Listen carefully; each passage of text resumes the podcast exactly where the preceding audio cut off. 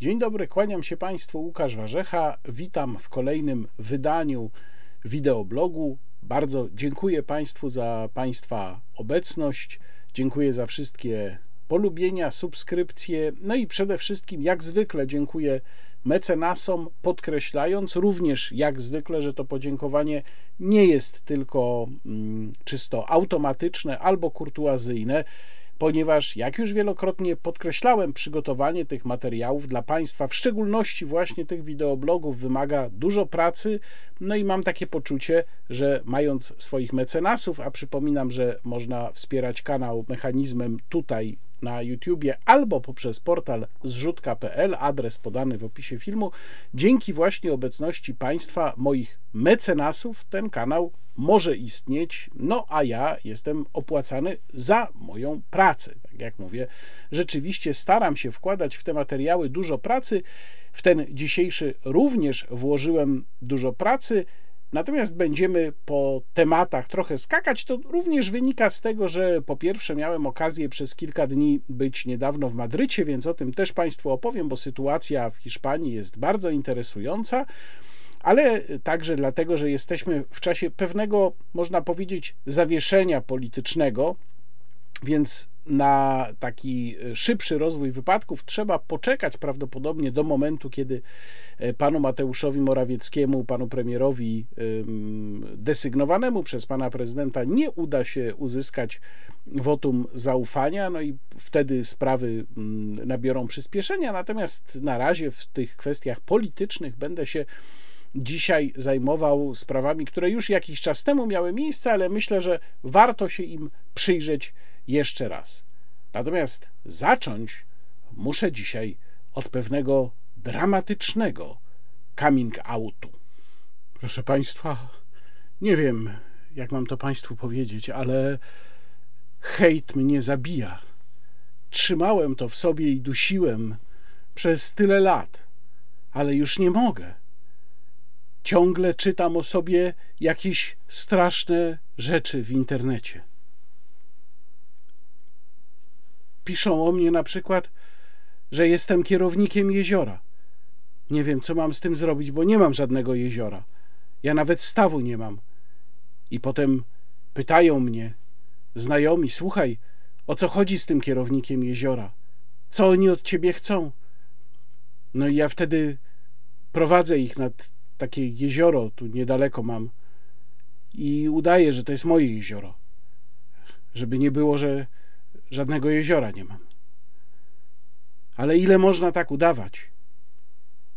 Albo kiedy czytam o sobie, na przykład, że powinienem się odchudzić, albo z tą zupą, no to już w ogóle. Nie jestem w stanie sobie z tym poradzić. To niszczy moje życie.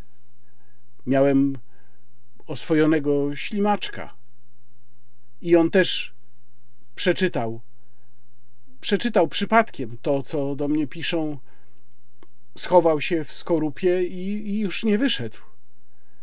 I myślę, że po prostu zdechł na depresję. Wstaję rano, biorę komórkę i czytam o sobie znowu te najgorsze rzeczy. Nie, tak po prostu się nie da funkcjonować. Z tym coś trzeba zrobić. Wprowadzić jakiś mechanizm, punktację, może profile rejestrowane na dowód osobisty albo coś takiego. Przemoc słowna jest niedopuszczalna.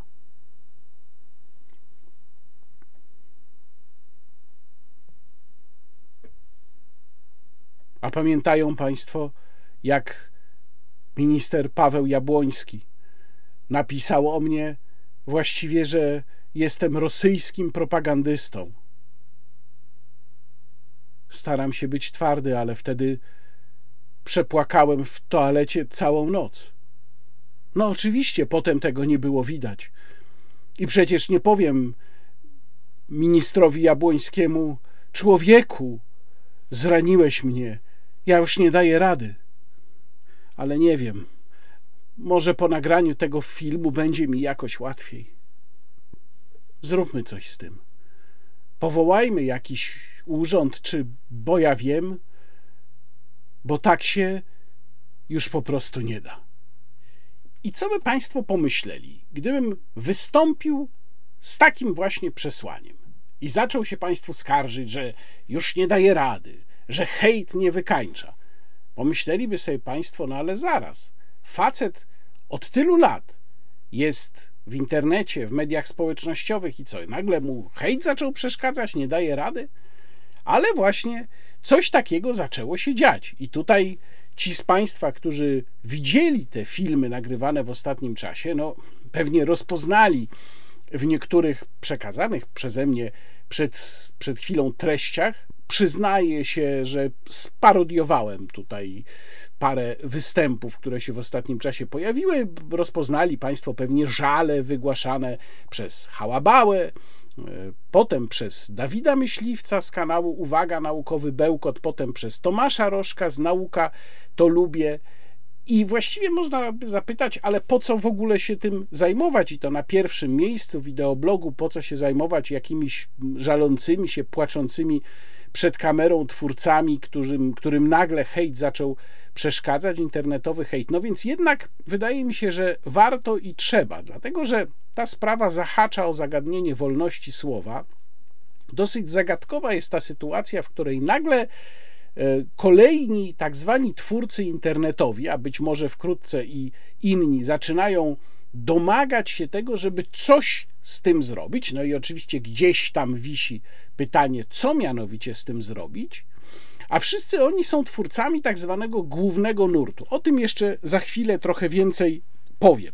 Natomiast do tego wszystkiego dołącza się jeszcze na Twitterze oficjalny profil portalu patronite.pl, który jest prowadzony, nawiasem mówiąc, w taki sposób, że można by pomyśleć, że prowadzi go jakiś ideologicznie zaangażowany działacz z grona miasto Januszy albo czegoś takiego, ale nie, że jest to profil twitterowy mm, portalu, który po prostu służy zbieraniu pieniędzy na różne cele. Ja straciłem, zobaczywszy jak ten profil wygląda, ja straciłem jakiekolwiek złudzenia co do neutralności Patronite'a. Ja wiem już po prostu, że jest to portal, który ma swoje bardzo ścisłe ideologiczne nastawienie, że pewne rzeczy tam wolno, a inne, całkowicie legalne, są niedopuszczalne. Nie dziwi mnie też, dlaczego Patronite zrzucił swego czasu Jana Pospieszalskiego. Po prostu Jan Pospieszalski się już w tym gronie nie mieścił i tutaj namawiałbym wszystkich Państwa, którzy mm, zastanawiają się, na jakim portalu y, zbierać pieniądze na swoją działalność, albo już Państwo to być może na Patronite robią, żeby przemyśleć te decyzje, czy na pewno warto się z tego typu portalem wiązać. No chyba, że akurat to się całkowicie zgadza z Państwa poglądami, nie mają Państwo z tym problemu, to proszę bardzo. Natomiast są inne portale, w tym ten, z którego ja korzystam, które są po prostu autentycznie neutralne i przezroczyste i nic nie można im tutaj zarzucić. Ale wracając do tematu, no więc najpierw filmik e, nagrał Hałabała, Hałabała żalący się na to, że właśnie nazywają go Hałabałą, chociaż sam to przezwisko wykorzystywał w różnych e, sytuacjach mm, e, i Hałabała, przypominam tym z Państwa, którzy jeszcze tego nie widzieli, nawet stwierdził, że jeżeli ktoś nazywa go Hałabałą, to w zasadzie jest to naruszenie bezpieczeństwa państwa. No bo on jest tak ważny dla państwa z tym swoim przesłaniem dotyczącym energetyki, dotyczącym klimatu, że jakaś, jakieś obce mocarstwo mogłoby chcieć właśnie w niego w ten sposób uderzyć, generując przeciwko niemu taki hejt. I to, proszę Państwa, ja tego nie zmyślam. Proszę sobie wejść na jego kanał, a może proszę nie wchodzić, nie napędzać mu widzów, tylko uwierzyć mi na słowo, że on naprawdę to powiedział. Potem się odezwał pan Dawid Myśliwiec, potem się odezwał Tomasz Rożek. Ja o tym wszystkim napisałem większy tekst w Salonie 24, do którego linkuję w opisie filmu, jak zawsze do tekstów, o których tutaj wspominam. I cała ta akcja wydaje się, a przynajmniej sprawia takie wrażenie, jakby była zorganizowana. Wszystkie te wypowiedzi mają pewne wspólne cechy. No więc pierwsza jest taka, że Oczywiście nikt nigdzie nie definiuje tego hejtu. My możemy instynktownie tylko myśleć, co byśmy nazwali hejtem, i że na przykład hejtem nazwalibyśmy wypowiedzi chamskie, niemerytoryczne. No ale to wciąż jest mało precyzyjna definicja. Natomiast jak się posłucha tych e, żalów, które tam panowie wylewają, no to dochodzi się do wniosku, że nie, nie tylko o to chodzi. No bo hejtem w takim razie może być również używanie skądinąd sympatycznego przezwiska, bo przecież Hałabała to był taki miły krasnoludek. Albo hejtem może być, co już kompletnie uważam, że jest absurdalne, jak pan myśliwiec powiedział, że ktoś tam mu napisał pod filmem, źle pan wygląda, niech pan zadba o siebie. I on też to zakwalifikował jako hejt. Więc mamy bardzo szeroką definicję tego, co jest tym hejtem. Ja nie lubię też tego słowa, bo to anglicyzm, no ale nie mamy chyba tutaj lepszego polskiego odpowiednika. Ale to pokazuje, to bardzo szerokie zakreślenie tego, tego, tego zakresu tego pojęcia, to pokazuje, że jeżeli ktoś tu myśli o cenzurze, to ona mogłaby mieć naprawdę bardzo szeroki zakres, przy czym rzecz jasna nie nazywałaby się cenzurą, tylko nazywałaby się jakoś inaczej. W tych filmach nie ma w ogóle mowy o jakichś twardych groźbach. Tylko w jednym pan Rożek mówi, że ktoś napisał do niego, że ma jego adres, że będzie na niego czekał przy, tam, przy furtce, przy wejściu do domu z sekatorem i utnie mu język. E, no, to jest groźba, która rzeczywiście powinna zostać zgłoszona na policję. Tomasz Rożek twierdzi, że ją zgłosił na policję, że policja nie za bardzo chciała tę groźbę, to zgłoszenie przyjąć. No i tutaj tak, absolutnie mamy prawo, powinniśmy takie sytuacje zgłaszać na policję i policja absolutnie ma obowiązek je przyjmować, ale tu mówimy o problemie zupełnie innym, o problemie tego, jak działa policja. A to też pokazuje, że istnieją instrumenty, które pozwalają działać um, nam w przypadku, jeżeli mamy do czynienia z czymś, z jakąś ostrą, wymierną, jasną groźbą. Podobnie zresztą jeżeli ktoś uważa, że jego dobra osobiste zostały naruszone, to ma do dyspozycji kodeks cywilny, ma do dyspozycji również artykuł 212, niestety wciąż artykuł 212 kodeksu karnego i może z tych instrumentów korzystać, jeżeli oczywiście ma na to ochotę, pieniądze, chce mu się. Ja uważam, że w 99,99% przypadków po prostu nie warto, to jest marnowanie czasu. No ale może ktoś uważa, że warto. Były takie akcje, niektórzy celebryci mm, czy dziennikarze ścigali twardo takich właśnie hejterów, którzy nie grozili im bynajmniej. To jest co innego, tylko którzy ich w jakiś sposób obrażali. Ja uważam, że robili to wyłącznie dla popularki. Normalnie się po prostu tego nie robi. Zgłasza się ewentualne groźby. Ale właśnie charakterystyczne, że w tych filmach w ogóle nie ma o tym mowy. Tam, poza tym jednym przypadkiem, o którym mówi Tomasz Rożek, nic takiego się nie wydarzyło. To znaczy, o niczym takim ci panowie nie mówią. Mówią o hejcie i mówią o tym, że ten hejt uniemożliwia im działalność, że to ich tak dopadło i że to ich tak dręczy i że oni już właśnie nie dają rady. I coś z tym trzeba, proszę Państwa, zrobić. Ale tam się pojawia jeszcze jedna, jeden taki niebezpieczny wątek. Mianowicie oni próbują przekonywać. Do mnie też napisał coś takiego pan myśliwiec na Twitterze, że istnieje jakiś y, ciąg, bezpośredni ciąg przyczynowo-skutkowy pomiędzy tym, co jest pisane w sieci, pomiędzy tym hejtem, a Mm, ewentualną agresją fizyczną. Że tutaj nie ma żadnej granicy, że to tak płynnie jedno przechodzi w drugie. Tomasz Rożek z kolei używa określenia przemoc słowna. Ja napisałem mu na Twitterze, Tomku, nie ma czegoś takiego jak przemoc słowna. Przemoc jest fizyczna, nie ma przemocy słownej. Ale skąd to się bierze i do czego to może prowadzić? Jeżeli mówimy o przemocy słownej, albo jeżeli staramy się tworzyć takie rozumowanie jak pan myśliwiec, że bezpośrednio od słów nastąpi przejście do czynów, to wtedy dostajemy podstawę do tego, żeby zacząć cenzurować słowa. No bo przemoc jest zabroniona, prawda? W takim razie przemoc słowna też powinna być zabroniona. Jeżeli z kolei uznajemy, że płynnie następuje przejście od słów do czynów, Przy czym pana myśliwca, żeby było jasne, nic przez 9 lat jego działalności na YouTubie nie spotkało.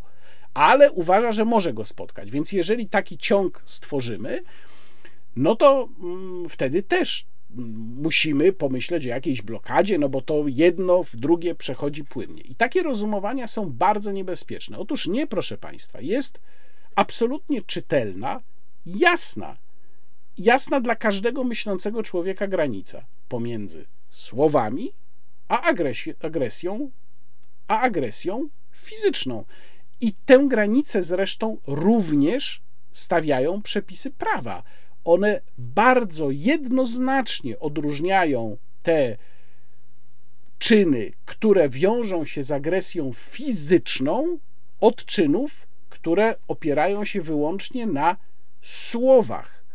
Więc musimy o tym pamiętać, bo inaczej będziemy szli właśnie w stronę cenzury. Ale czy w ogóle ta historia z tymi youtuberami, z panem myśliwcem, który tak melodramatycznie ukrywa twarz w dłoniach. Czy to w ogóle się Państwu klei? Proszę zobaczyć. Pan Myśliwiec jest na YouTubie od 2014 roku. Kanał ma blisko 750 tysięcy subskrybentów, jest na nim ponad 400 filmów. Tomasz Rożek o rok dłużej.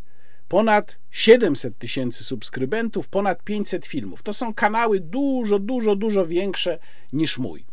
I ci ludzie po tylu latach, przy tylu komentujących, nagle pewnego pięknego dnia w listopadzie 2023 roku ocknęli się i stwierdzili: Ja już nie daję rady. No, coś tutaj jednak nie gra.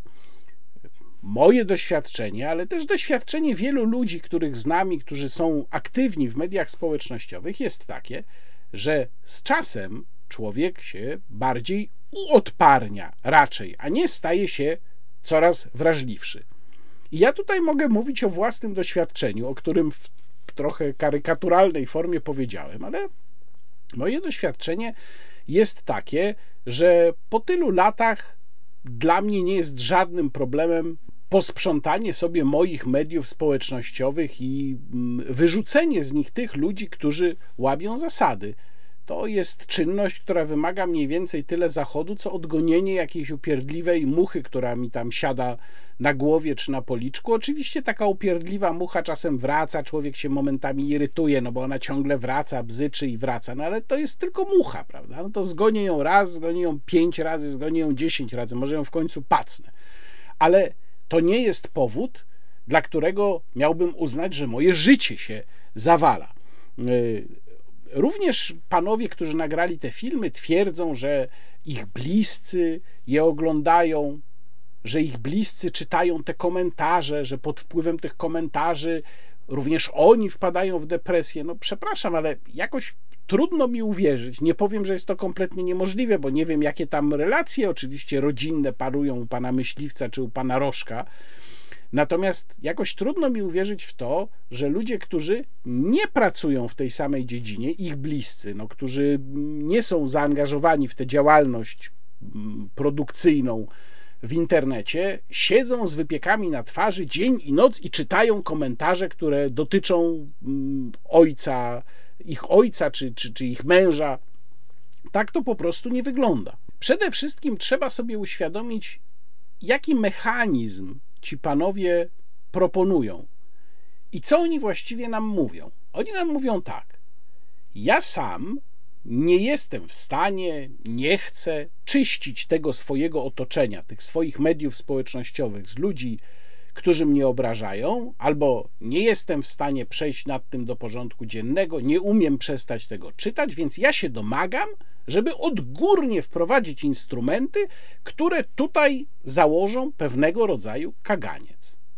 No nie, proszę Państwa. Jeżeli ktoś, a widzę ten argument dosyć często, jeżeli ktoś się do mnie odzywa, mówi, ale co pan tutaj mówi? Przecież pan też zablokował połowę polskiego Twittera.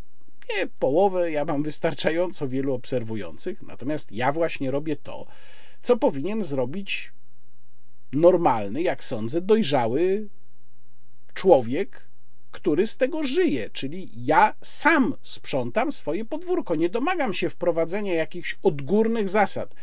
Nie chcę, żeby mi moich użytkowników komentujących filtrował odgórnie portal X pana Maska albo portal YouTube, tylko ja mogę sobie z tym poradzić sam. Od tego mam narzędzia w postaci blokowania, w postaci ograniczania możliwości odpowiedzi, po co zresztą bardzo rzadko sięgam, czasem mi się zdarza, ale naprawdę sporadycznie. I od tego wreszcie mam podstawowy instrument, którym jest nieczytanie. Tak, proszę Państwa, tego się da nie czytać. I jeżeli panowie Rożek i Myśliwiec mówią, że nie, oni tak nie mogą, no to, to nie wiem, to może mają jakąś wadę psychologiczną czy percepcyjną, no ale jeżeli ją mają, to może to nie jest zajęcie dla nich. Tomasz Rożek twierdzi, że internet to jest jego miejsce pracy i że to jest tak, jak gdyby ktoś uprawiał mobbing w jego miejscu pracy, w biurze, i tutaj jest podobnie, no i trzeba się temu przeciwstawić. Trzeba jakieś zasady wprowadzić, które temu zapobiegną. Ale to, to jest fałsz.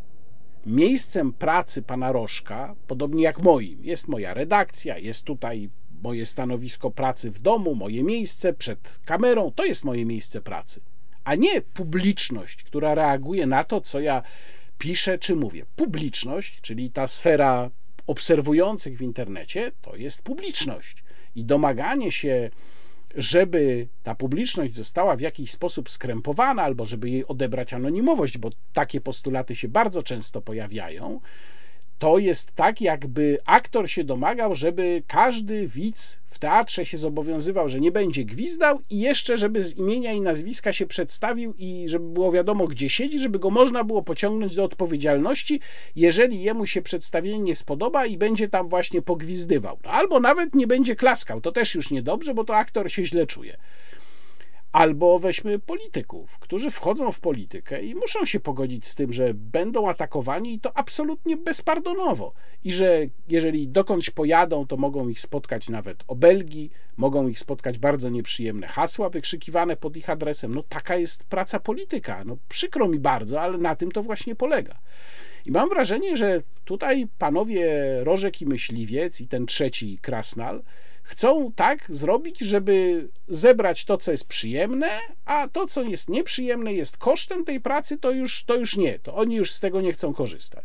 To już to nie, to, to trzeba odgórnie ograniczyć. A trzeba też zauważyć, i myślę, że to jest dosyć ważna uwaga w tym kontekście, że wszyscy trzej, jak powiedziałem na początku, należą do takiego głównego nurtu. Wszyscy trzej promują lub promowali bardzo głównonurtowy i jednostronny przekaz w sprawach, które budziły i budzą ogromne kontrowersje. Co najmniej dwie takie dziedziny, czyli po pierwsze była to pandemia, po drugie jest to kwestia zmian klimatycznych. Żaden z nich nigdy nie spróbował sięgnąć do tej drugiej strony. Każdy z nich tempo promował tylko jeden jednolity przekaz. Więc oczywiście reakcja ludzi bywa chamska, bywa agresywna. Ja to bardzo dobrze znam, no ale ta reakcja jest w dużej mierze też spowodowana tą jednostronnością. Ale teraz y, o tym, czego ci panowie nie zauważają albo co kontestują.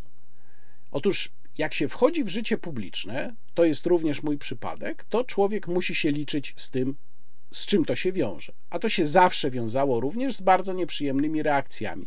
Również tak było w epoce przed mediami społecznościowymi, a nawet przed internetem. Ja doskonale pamiętam z czasów, kiedy pracowałem w dzienniku Życie, było to pod koniec lat 90., kiedy mediów społecznościowych, takich jakie znamy dzisiaj, w ogóle jeszcze nie było, nawet nie wiem, czy jakieś były, bo zdaje się, że nasza klasa przecież wtedy nawet nie istniała.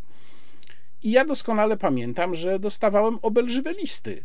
No takie listy papierowe, obelżywe być może nawet gdzieś tu w swoim archiwum jeszcze jakieś mam, bo niektóre zachowywałem.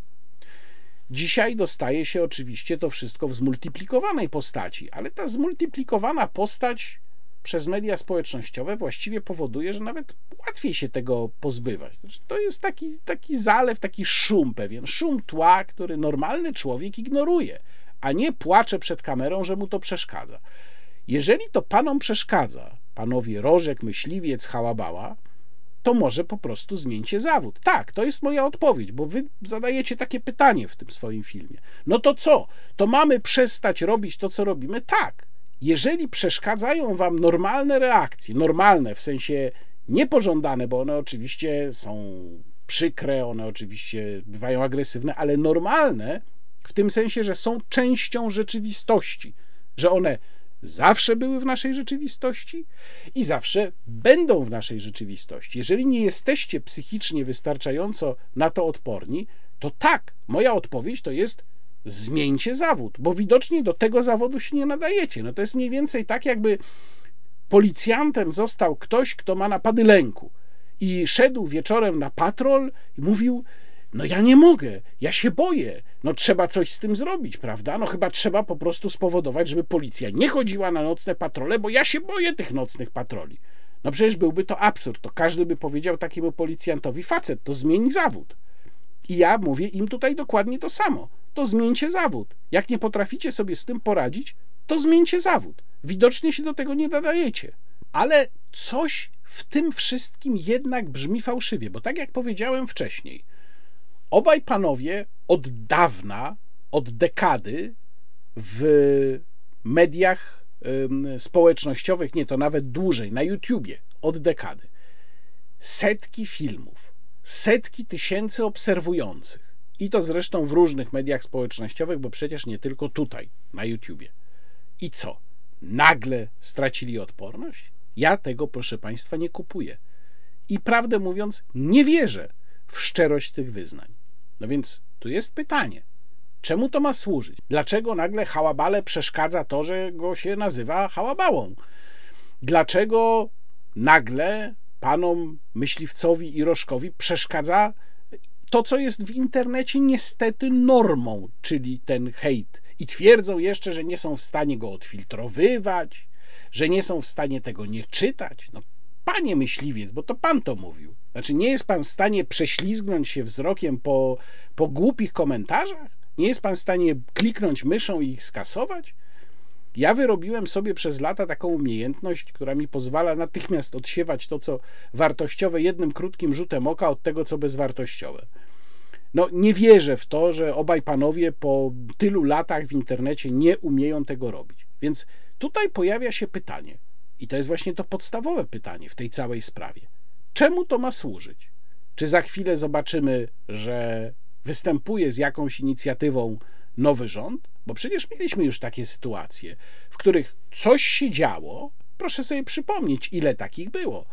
E, na przykład te dotyczące zaostrzenia przepisów w ruchu drogowym, zaostrzenia kar. Coś się działo i potem nagle wyskakiwał ten czy inny minister mówił: O, proszę państwa, no tak, coś z tym trzeba zrobić. Ja tu mam gotowy projekt ustawy.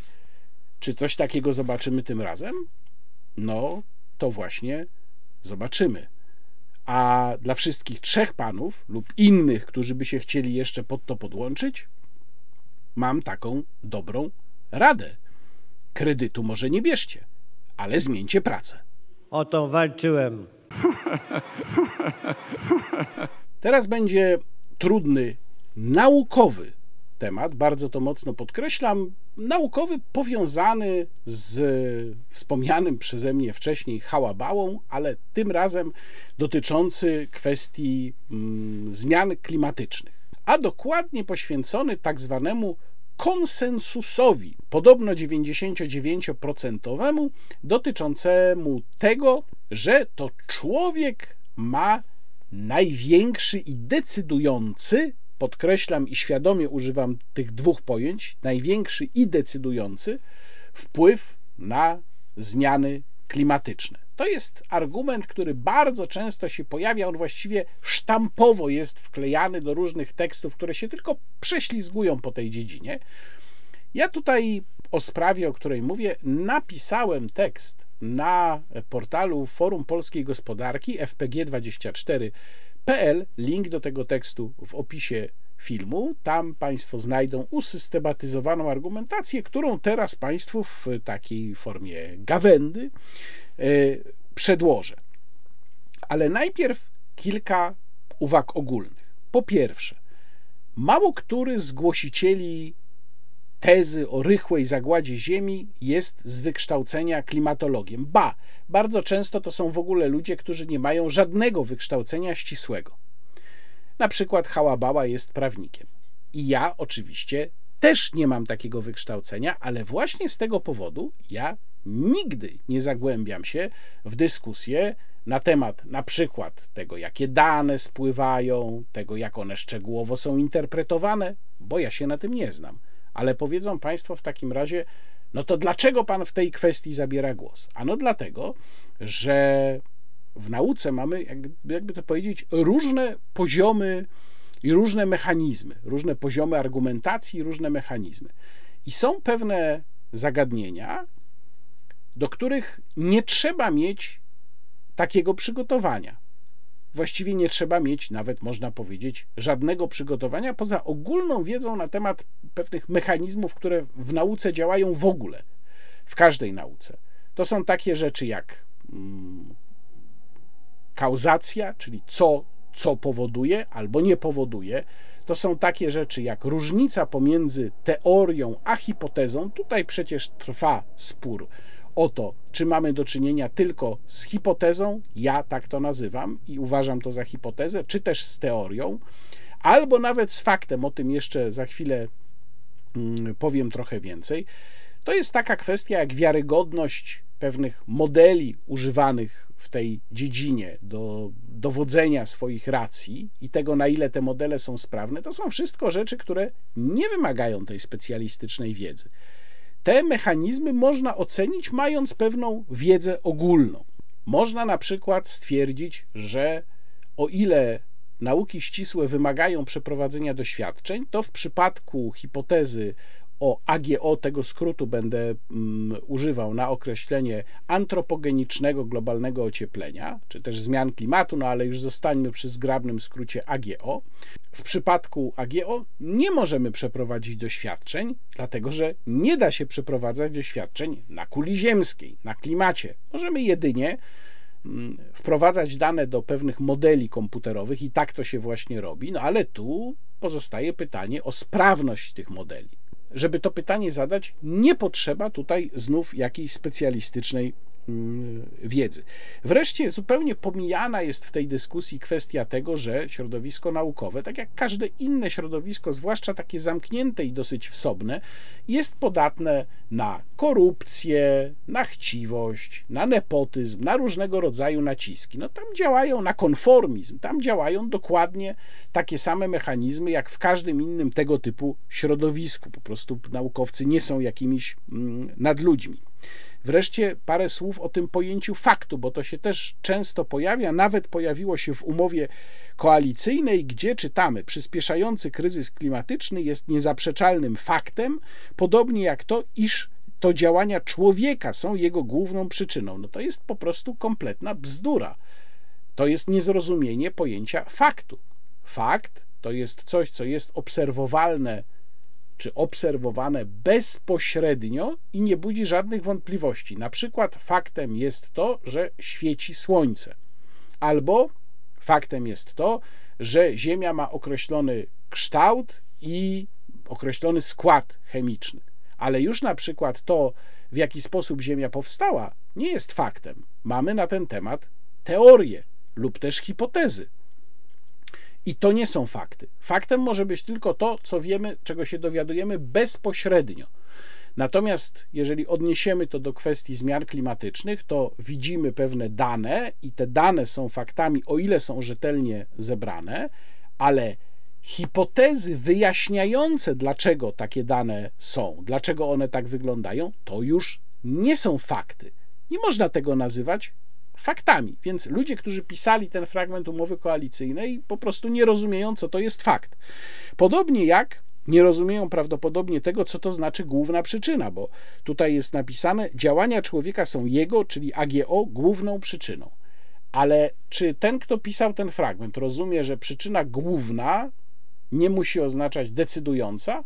Może być przyczyna główna w takim sensie, że ona powiedzmy procentowo ma największy wymiar, największy ze wszystkich innych, ale pozostałe sumowane, które mają większe znaczenie, bo mają większy wymiar procentowy. No to jest trochę taka sytuacja jak z rezultatem tych wyborów. PiS wygrał procentowo, a nawet jeżeli chodzi o liczbę mandatów w pojedynczym klubie, ale nie będzie rządził, bo nie zbudował większości. Pozostałe czynniki mają większy wpływ razem wzięte niż ten jeden, mimo że ten jeden jest największy.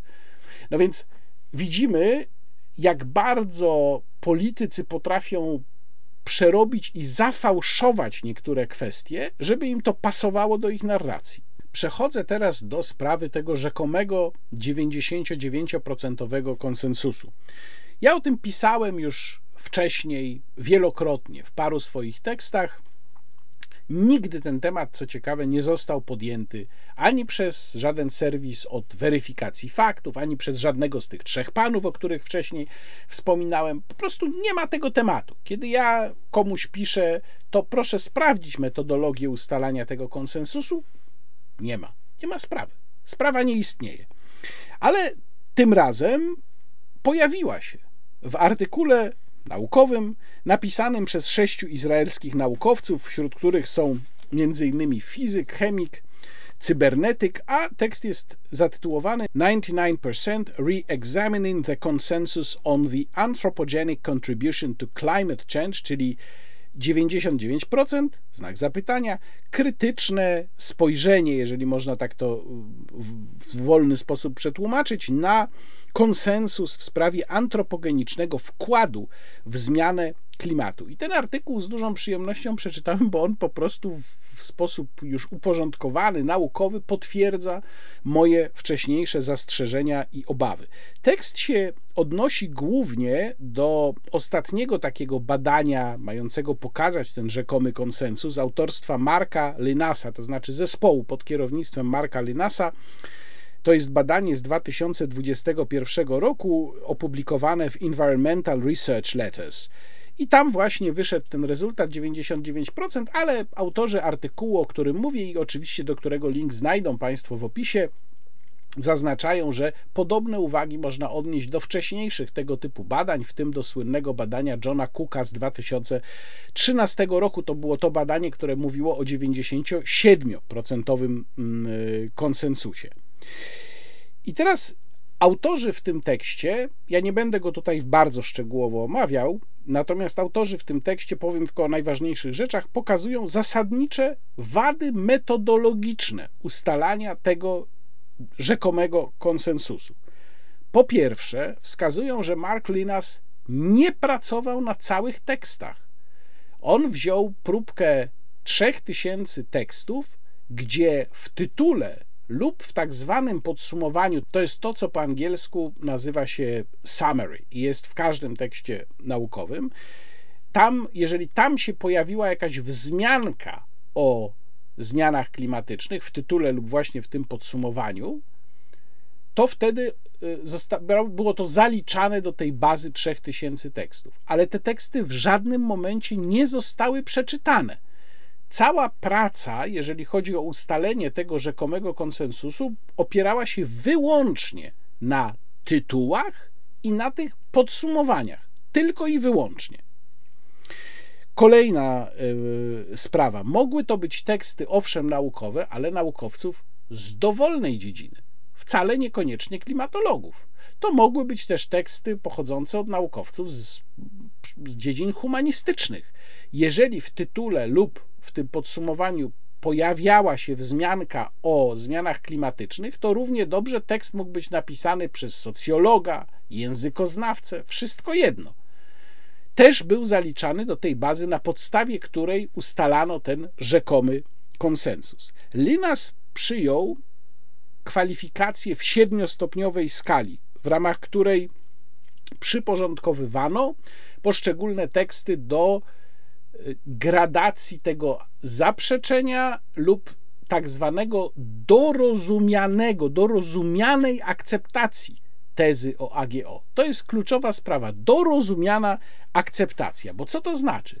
Linas założył, że jeżeli w danym tekście, a dokładnie w jego tytule lub podsumowaniu, nie jest wprost powiedziane, że autor się nie zgadza z tezą o AGO, to zaliczamy taki tekst do tych popierających hipotezę o AGO. I uzasadnił to w ten sposób, że no przecież skoro jest to pogląd dominujący, to jeżeli ktoś wyraźnie się z tym poglądem nie, nie zgadza, no to znaczy, że się z nim zgadza. Tylko, że tutaj, jak wskazują autorzy tego tekstu krytycznego, bardzo słusznie, albo popełnił błąd logiczny, albo celowo zastosował metodę erystyczną nazywaną petitio principi. Petitio principi to jest taki błąd logiczny lub właśnie metoda erystyczna, która polega na tym, że bierzemy jako założenie coś, czego dopiero mamy dowieść. I to dokładnie jest to, co zrobił Linas. To znaczy, założył, że pogląd jest dominujący, jako, i to założenie jest podstawą badania, które ma ustalić, czy pogląd jest dominujący. Jeszcze raz to wyjaśnię, żeby Państwo dobrze zrozumieli. Linas wziął pogląd, którego dopiero miał dowieść i zastosował go jako podstawę badania, które ma sprawdzić, czy ten pogląd jest dominujący. Dalej autorzy artykułu wskazują, że po pierwsze, nie ma jakiejś jednej kanonicznej wersji tej hipotezy o AGO. Są tutaj różnice i to zresztą ja również od dawna mówię, tłumacząc, że nie ma jakiejś jednej, jednolitej nauki, że bardzo różne są opinie, nawet wśród, czy ustalenia, nawet wśród tych naukowców, którzy generalnie popierają hipotezę o wpływie człowieka, bo mogą na przykład stwierdzić albo, że ten wpływ jest i dominujący, i decydujący, albo że jest największy, ale nie decydujący, mogą się różnić co do jego wielkości, co do tego, jakiego typu jest to składowa w tych zjawiskach. Różne tutaj są wersje, a tu nie różnicuje. Linas wziął po prostu jeden pogląd, tak jakby cała nauka i wszyscy naukowcy mieli jakiś jeden, jedyny kanoniczny pogląd, spisany na kamiennych tablicach i jakby nie było tutaj żadnych różnic. Druga sprawa, na co wskazują autorzy tekstu, to że właściwie należało zająć się tylko tymi artykułami, które albo wprost i to w tekście, nie w tytule i w podsumowaniu, zajmowałyby się y, potwierdzeniem lub wprost zajmowałyby się zaprzeczeniem hipotezy o y, AGO.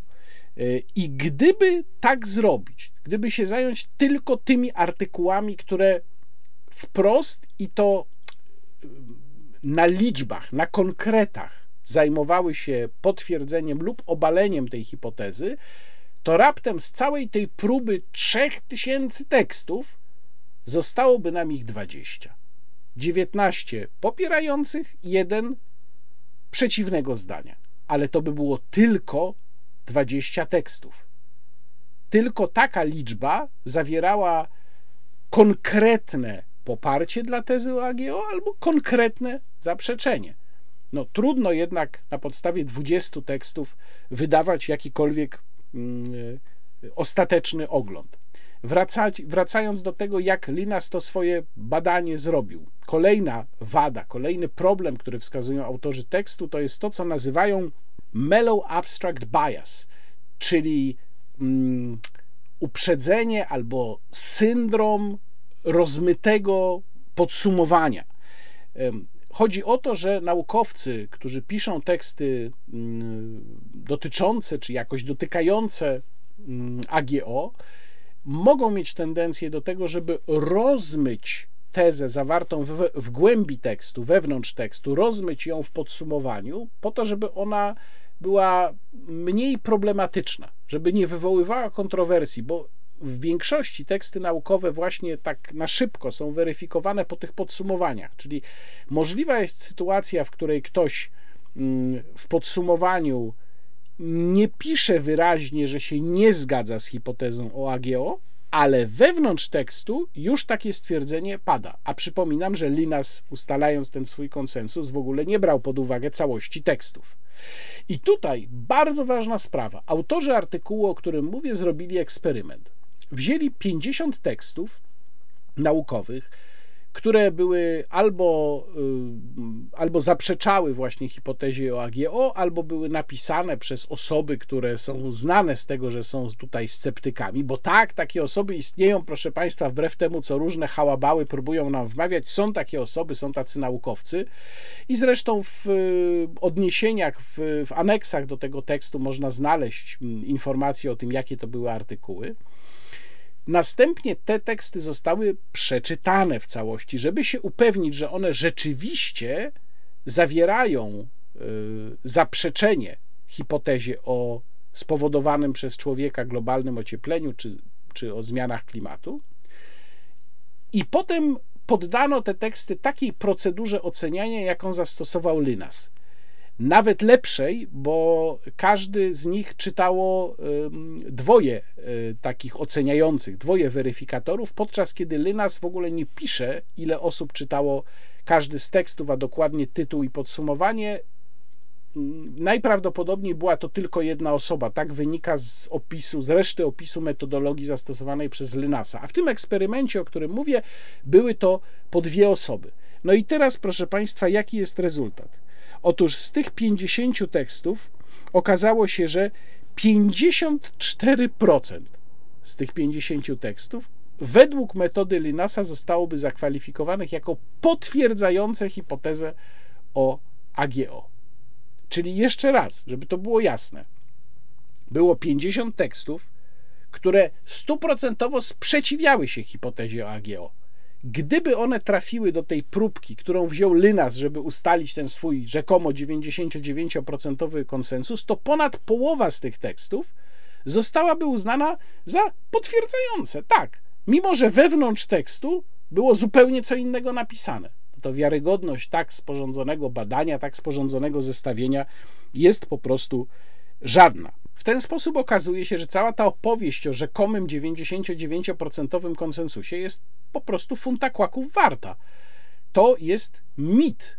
I teraz jest tylko pytanie, dlaczego ten mit tak się dobrze ma i dlaczego on tak dobrze, doskonale funkcjonuje, dlaczego cały czas jest to przytaczane jako dowód na to, że zwolennicy tej hipotezy mają rację.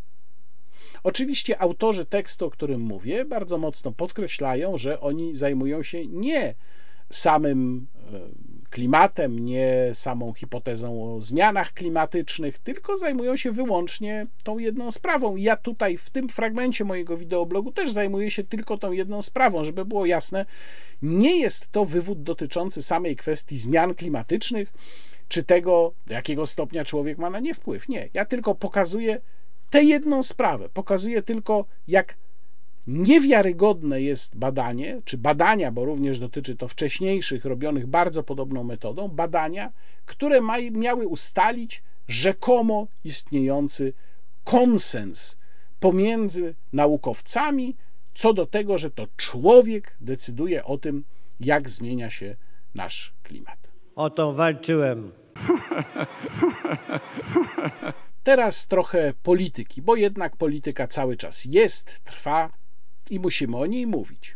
Ja bym chciał wrócić do wystąpienia Jarosława Kaczyńskiego w Krakowie z 11 listopada. Obejrzałem w całości to wystąpienie i chciałbym Państwu pokazać jego skrót. To jest to wystąpienie, które było bardzo szeroko komentowane jako takie twarde, mocne, definiujące kurs Prawa i Sprawiedliwości na przyszłość. Proszę zobaczyć, co wtedy powiedział Jarosław Kaczyński. U nas reprezentuje Polskę pan premier Mazowiecki, pan premier Mazowiecki, pan premier Mazowiecki. To jest praktyczne doprowadzenie do tego, że państwo takie jak Polska może w praktyce zmienić się w teren zamieszkały przez Polaków, ale rządzony z zewnątrz. Nie ma, gdyby to przyjęto, żadnych przeszkód. Są, żeby tak zrobić. Trzeba tutaj sięgnąć dalej do historii, a przede wszystkim do historii tych dwóch krajów, które w ten sposób chcą sobie zapewnić pełną dominację. Przy czym ta dominacja niewątpliwie będzie podzielona geograficznie. Nasza część Europy przypadnie Niemcom, ta bardziej południowa część Europy Francji. Obydwa te kraje w swoich dziejach miały tendencje do tworzenia sytuacji, które będą dominowały w Europie. Zjednoczenie Niemiec przez Bismarcka doprowadziło do bardzo mocnego wzmocnienia tej tendencji. Ona miała różne odmiany, ale znakomicie została opisana w książce Środkowa Europa, Mitteleuropa wydanej w 1915 roku przez niejakiego Neymana. Pastora, jednocześnie politologa w dzisiejszym języku, bo wtedy takiego słowa nie używano, można powiedzieć w ówczesnym rozumieniu filozofa. Otóż on tam postulowałby po zwycięskiej wojnie stworzyć w środku Europy szereg małych państw, w tym także Polskę, chociaż Polski wtedy na mapach Europy nie było. W wymiarach prawdopodobnie e, Królestwa Kongresowego, ale wziąć pod uwagę to, co Niemcy chcieli zrobić już w czasach, kiedy istniała ta formalnie niepodległa Polska, mówię o deklaracji dwóch cesarzy z 2016 roku, czyli chcieli jeszcze ograbić Królestwo Polskie z kilkudziesięciu tysięcy kilometrów kwadratowych, a liczyło w całości 126-128 tysięcy, a według innych obliczeń 119 tysięcy kilometrów kwadratowych, to prawdopodobnie by chodziło właśnie o tą mniejszą powierzchnię. To było państwo, które by oczywiście było w pełni uzależnione od Niemiec, mogłoby się rozwijać gospodarczo, ale przy takiej zasadzie, że zawsze musi być w odpowiedniej odległości, jeżeli chodzi o poziom gospodarczy od Niemiec. I ta idea, proszę Państwa, została zarzucona przez Hitlera no, zamiast pewnego politycznego bardzo wrogiego wobec narodów tej części Europy, Europy Środkowej, ale jednak przemyślanego planu przyszło szaleństwo, zupełne szaleństwo i straszliwa klęska, ale to szybko wróciło.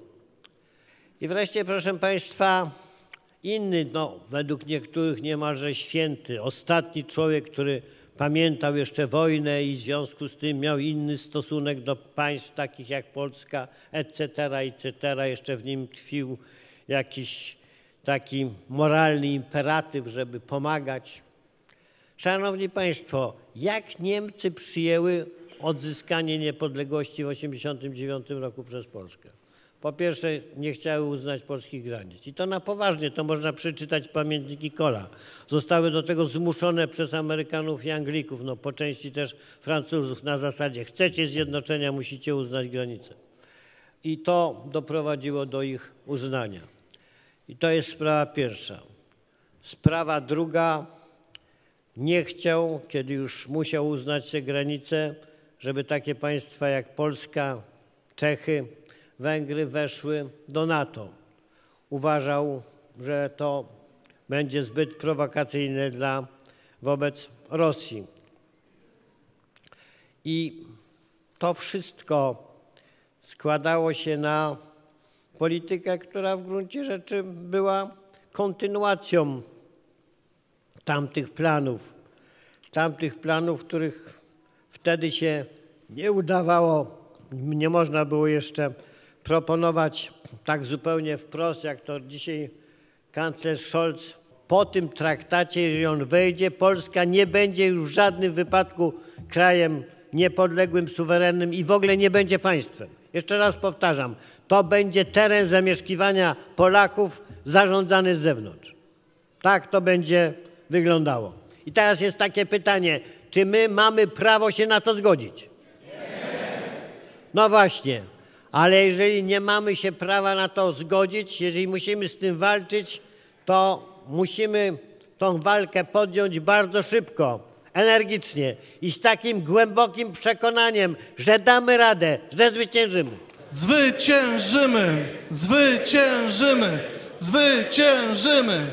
My chcemy, by w styczniu odbyła się w Warszawie konferencja wszystkich sił patriotycznych, ale nawet takich, które no, są patriotyczne, ale w takim szerszym tego słowa znaczeniu. Po prostu rozumieją, że to, co się stanie będzie dla Polski szkodliwe pod każdym względem. Przymusowe euro, proszę Państwa. Przymusowe euro. Przymusowe euro oznacza spadek stopy życiowej i oznacza to, co w Słowacji. Słowacja była kiedyś przed Polską i też doganiała Unię Europejską i zaczęła się w tym procesie cofać. Cofać wyraźnie jest dzisiaj wyraźnie za Polską i dalej od przeciętnej Unii Europejskiej niż była przedtem. To są skutki przyjmowania euro. Pamiętajcie, że przyspieszenie tego wszystkiego wynika z tego, że te dwa kraje, które są głównie zainteresowane tym całym przedsięwzięciu, dzisiaj słabną. Słabną Niemcy i słabnie Francja. I w ten sposób chcą się ratować. W ten sposób sobie sobie z nas stworzyć, jak to mówiłem już przeszło 20 lat temu w parlamencie, szczudła. Polska będzie zatruta, terroryzowana przez mafie śmieciowe i inne mafie. Taką przyszłość nam tutaj gotują. I taką przyszłość gotuje nam tutaj ten rząd, który został zamontowany z Tuskiem na czele po to właśnie, żeby to przeprowadzić. Für Deutschland. Mam nadzieję, że spotkanie bardzo wielu środowisk ma być początkiem wielkiej akcji. Wielkiej akcji w różnych dziedzinach. Ma być początkiem też zastosowania przez nas najnowocześniejszej techniki po to, żeby skomunikować ze sobą możliwie dużą część społeczeństwa, a szczególnie tych, którzy będą inicjatorami, moderatorami różnego rodzaju działań, które będziemy musieli prowadzić. Już dziś o to walczyłem, o to walczyłem, o to walczyłem.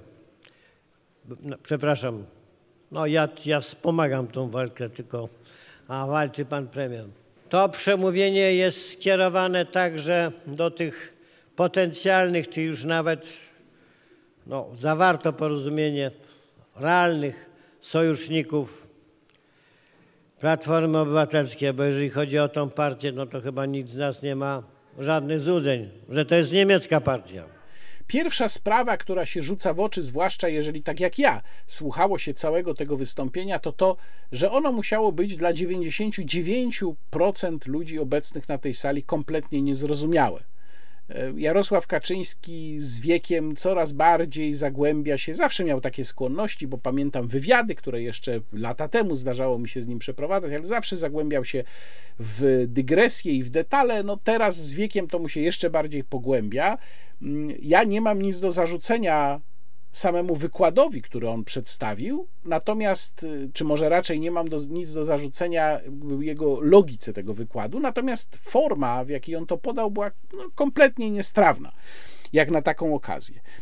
Jarosław Kaczyński tam odwołuje się mm, w, tym, w, tym, w tej swojej wypowiedzi do słynnej książki Mittel Europa Nowy porządek w sercu Europy, wydanej dopiero teraz, po raz pierwszy po polsku przez Instytut Pileckiego, a napisane jeszcze w 1915 roku przez pastora Friedricha Naumana, nie Neymana, jak to wymawiał Jarosław Kaczyński, tylko Naumana, Friedricha Naumana. Zachęcam Państwa zresztą do kupienia tej książki. Ona jest również do dostania w formie elektronicznej, bo to jest bardzo w sumie interesująca koncepcja, która pokazuje, jak wówczas mm, Niemcy widzieli los tej części Europy. Nawiasem mówiąc, można powiedzieć, że szkoda być może, że Niemcy skorzystały w pewnym momencie właśnie nie z tej wizji naumanowskiej, tylko z wizji mm, pana Adolfa, że tak powiem, ponieważ być może e, no, nie byłoby wtedy takich nieszczęść i, i, i, nie zginęłoby tylu Polaków, i być może w ogóle e, Europa wyglądałaby inaczej, lepiej po prostu. No ale e, w takiej sytuacji, jaką mamy, ta wizja Naumana, przywoływana przez Jarosława Kaczyńskiego, ma być realizowana w najbliższym czasie przez Niemcy. W styczniu, powiada Jarosław Kaczyński, konferencja sił patriotycznych w Warszawie. No i tutaj raczej nie mam wątpliwości, że będzie to próba zmonopolizowania e, tak zwanej prawej części sceny politycznej. Mówię tak zwanej, no bo PiS przecież wiemy, to nie jest partią prawicową, jest partią lewicową, jest partią socjaldemokratyczną. I ewidentnie będzie to szło ku polaryzacji. To jest najprawdopodobniej plan na najbliższe lata, czyli skoncentrować się na kwestiach unijnych i próbować podtrzymać jak najmocniej polaryzację, jednocześnie dociskając jak najbardziej Konfederację. Już zresztą to bardzo czytelnie widać bardzo wyraźnie to widać w wypowiedziach polityków PiS, którzy przekonują, że Konfederacja zdradziła, że poszła na układ, e, że się dogaduje z tamtą stroną. No, krótko mówiąc, chodzi o to, żeby wykazać, że to jest niewiarygodna partia i tylko zjednoczona prawica jest w stanie przeciwstawić się tym fatalnym tendencjom, które, jak mówię, Jarosław Kaczyński zresztą dosyć trafnie tam w tym wystąpieniu opisuje, mm, no zupełnie jakby oglądał mój poprzedni wideoblog, który, jeżeli Państwo chcą, mogą sobie Państwo przypomnieć, mogą sobie Państwo przypomnieć to, co tam mówiłem, omawiając właśnie wyniki prac Komisji Konstytucyjnej Parlamentu Europejskiego, o których Jarosław Kaczyński tam dosyć mm, szeroko opowiadał. Problem polega na tym, że Prawo i Sprawiedliwość w tych sprawach ma zerową wiarygodność.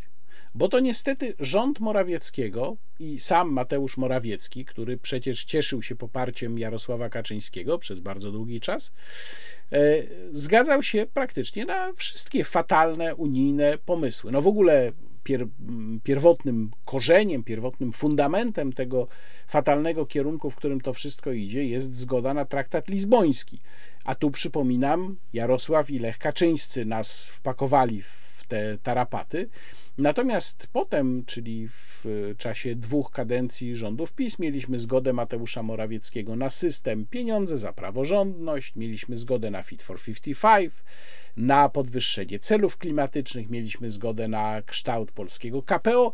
Na wszystkie te rzeczy premier Morawiecki się zgadzał, a były to niewątpliwie kroki, które nas popychały do tego, co się teraz zaczęło dziać, czyli do tego pędu nagłego, bardzo mocnego przyspieszenia w kierunku mm, federalizacji Europy. Na to wszystko pojawia się jeszcze, jeżeli rozmawiamy już teraz szerzej o kształcie, mm, o tym, jaki będzie PiS w opozycji, pojawia się jeszcze ten pomysł dekalogu polskich spraw. Nagle Mateuszowi Morawieckiemu się na przykład odwidziało, że dobrowolny ZUS to jest taki świetny pomysł. Przez tyle czasu politycy PiS przekonywali, kiedy rzecznik małych i średnich przedsiębiorców Adam Abramowicz występował z tym pomysłem, że to się nie da, że to jest jakiś absurd, nie ma w ogóle o czym mówić. I nagle okazuje się, ojej, to jest świetny pomysł. Wrzucimy go do dekalogu polskich spraw. Ja już o tym mówiłem, ale powtórzę to raz jeszcze. Mateusz Morawiecki ma zerową wiarygodność. To jest polityk skrajnie skompromitowany i jeżeli chodzi o politykę gospodarczą, i jeżeli chodzi o politykę Polski w Unii Europejskiej. Dopóki on będzie twarzą tych inicjatyw, to w ogóle nie ma o czym mówić. Ale też myślę, że dopóki Jarosław Kaczyński jest aktywnym politykiem w PiS, też nie ma o czym mówić. Problem z całym tym wystąpieniem, nie tylko tym, w ogóle z całą strategią powyborczą Prawa i Sprawiedliwości polega Moim zdaniem na dwóch rzeczach. Po pierwsze, na tym, że obecność Jarosława Kaczyńskiego jest coraz większym obciążeniem, obecność Mateusza Morawieckiego zresztą też. I po drugie, że nie widzieliśmy wpis żadnej refleksji. Tam nie było żadnego resetu. Tam nie było żadnego odświeżenia tej partii. Nic tam się po prostu nie wydarzyło. To znaczy, tak jakby w ogóle nie było rezultatu tych wyborów. Dlaczego ktokolwiek, kto miał jakieś wątpliwości, mm, albo kto był po prostu mocno krytyczny wobec tego, co PiS robił przez ostatnie 8 lat, dlaczego ktokolwiek miałby zdecydować się teraz, że PiS jest godny poparcia? No tylko dlatego, że Jarosław Kaczyński wyszedł i krytykuje niemieckie dążenia do zdominowania Unii Europejskiej? A przecież, jak sobie przypomnimy, co robił rząd, którego Jarosław Kaczyński był de facto mózgiem, no to widzimy, że w zasadzie na to wszystko się zgadzał. Nie postawił oporu w żadnym momencie, takiego stanowczego oporu w ciągu ostatnich ośmiu lat. I wreszcie jeszcze jedna rzecz, która moim zdaniem absolutnie niszczy wiarygodność Prawa i Sprawiedliwości, to jest kwestia Ukrainy. To jest kwestia trwania przy fatalnym przekonaniu, czy też fatalnej linii, strategii, polityce, że Ukraina ma wejść do Unii Europejskiej i że to będzie dla nas korzystne. Jarosław Kaczyński w tym wystąpieniu, wydaje mi się, że tego fragmentu chyba w tym streszczeniu, które dla Państwa przygotowałem, nie było. Mówi, że nie jest prawdą, że Europa powiększona, Europa w sensie Unii Europejskiej, z bardzo wieloma państwami członkowskimi nie będzie mogła decydować, jeżeli nie usunie się weta, bo to przypominam jest jeden z głównych argumentów federalistów. To również jest argument, który cały czas słyszymy z Berlina. Jeżeli chcecie taki, taki przekaz jest do nas kierowany. Jeżeli chcecie, żeby Unia Europejska się powiększyła, w tym o Ukrainę, to musicie się zgodzić na to, żeby właśnie uprościć, jak to się nazywa, uprościć ten system głosowania, czyli żeby zrezygnować z weta, bo inaczej się nie da decydować. Jarosław Kaczyński mówi: Nieprawda, można będzie decydować, nadal to będzie sprawny organizm przy tylu państwach członkowskich. I pobrzmiewa w tym, on tego nie powiedział wprost, myślę, że celowo jednak, ale pobrzmiewa w tym stwierdzenie, między wierszami je czytamy, że my cały czas chcemy, żeby Ukraina weszła do tej Unii Europejskiej. I że tam jest jakieś złudzenie, no fatalne złudzenie, że Ukraina w Unii Europejskiej przyniesie Polsce jakąkolwiek korzyść. O to walczyłem. Częścią obozu odchodzącej władzy jest oczywiście pan prezydent Andrzej Duda i dlatego chciałbym Państwu teraz przeczytać kilka najciekawszych fragmentów ze świeżego wywiadu pana prezydenta udzielonego siecią, a jest to wywiad z jednej strony nudny, bo mówiąc szczerze, pan prezydent tam właściwie nic specjalnie nie mówi, ale z drugiej strony on jest jednak ciekawy. I to trochę jest ciekawy właśnie przez to, czego pan prezydent nie mówi. Proszę posłuchać. Najpierw e, mamy odniesienie do sytuacji z pierwszego posiedzenia Sejmu, a mianowicie do niewybrania pani marszałek Witek na wicemarszałka Sejmu. Ja będę o tym pierwszym posiedzeniu, o, o, tych wyborach marszałka i wicemarszałków jeszcze w następnej za chwilę części wideoblogu mówił. Mówi pan prezydent tak, z jednej strony słyszymy pięknie brzmiące hasła o demokracji, z drugiej realizowana jest specyficzna forma odwetu. Na Zjednoczonej Prawicy, na Elżbiecie Witek, na Marku Pęku, to przypominam, niedoszły marszałek Senatu. Wiem jedno, mówi dalej pan prezydent. Zgodnie z regułami naszej demokracji i dobrym obyczajem, każdy klub sejmowy powinien mieć swojego reprezentanta w prezydium wskazanego przez siebie.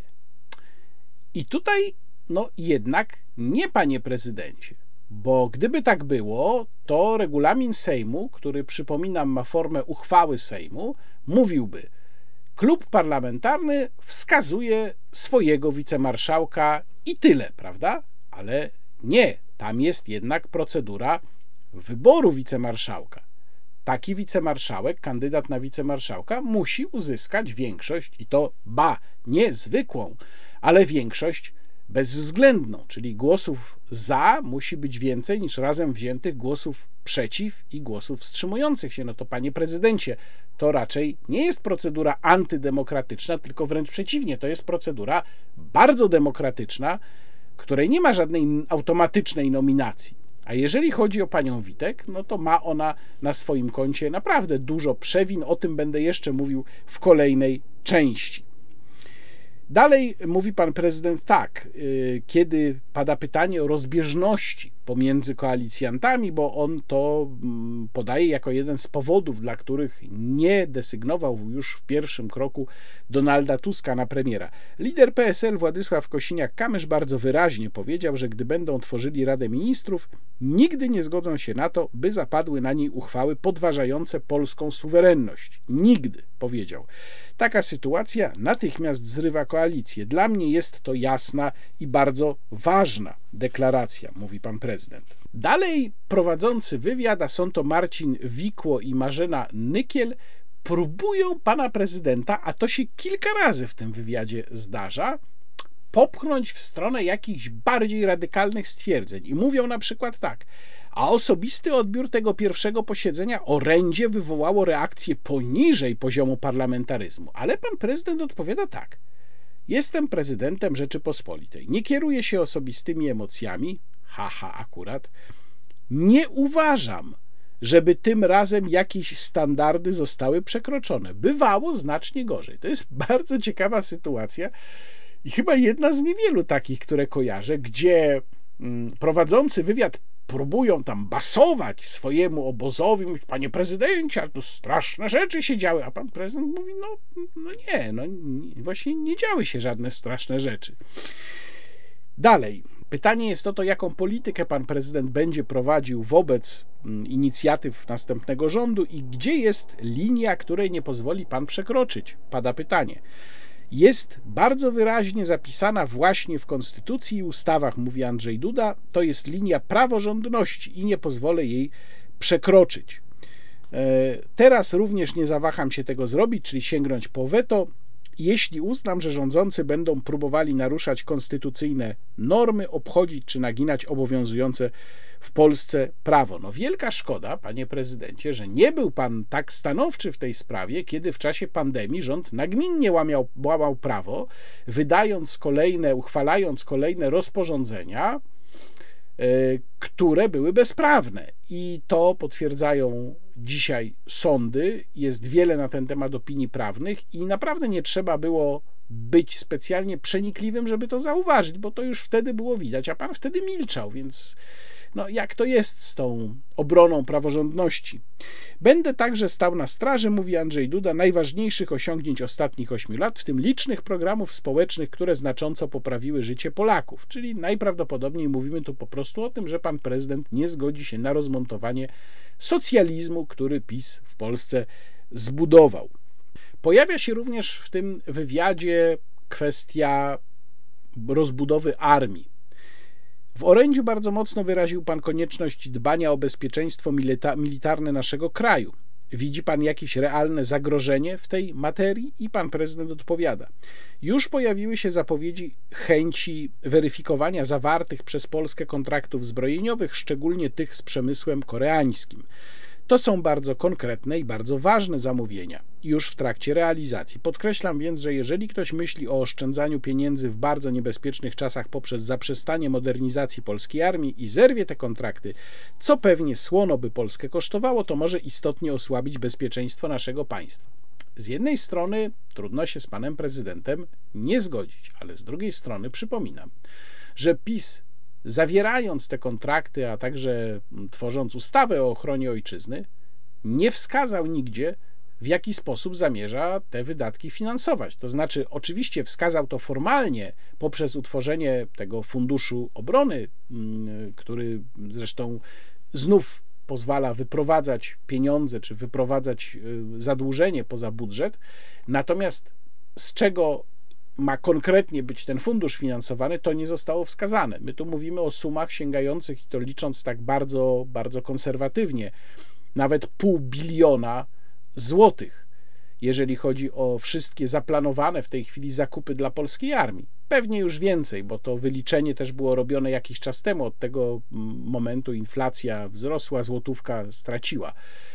Więc pewnie to jest więcej niż pół biliona skąd wziąć te pieniądze, komu podnieść podatki, czy nałożyć, o czym się mówi coraz głośniej, jakiś specjalny podatek związany z rozbudową armii. O tym PiS nie mówił ani słowa. No więc pan prezydent również tutaj powinien pamiętać, że nowy rząd staje przed tym problemem, który dziedziczy po poprzednikach, bez rozwiązania. A dalej pan prezydent mówi tak, dlatego musimy konsekwentnie wzmacniać nasz potencjał militarny jak najszybciej, po to, aby polski żołnierz miał czym bronić kraju.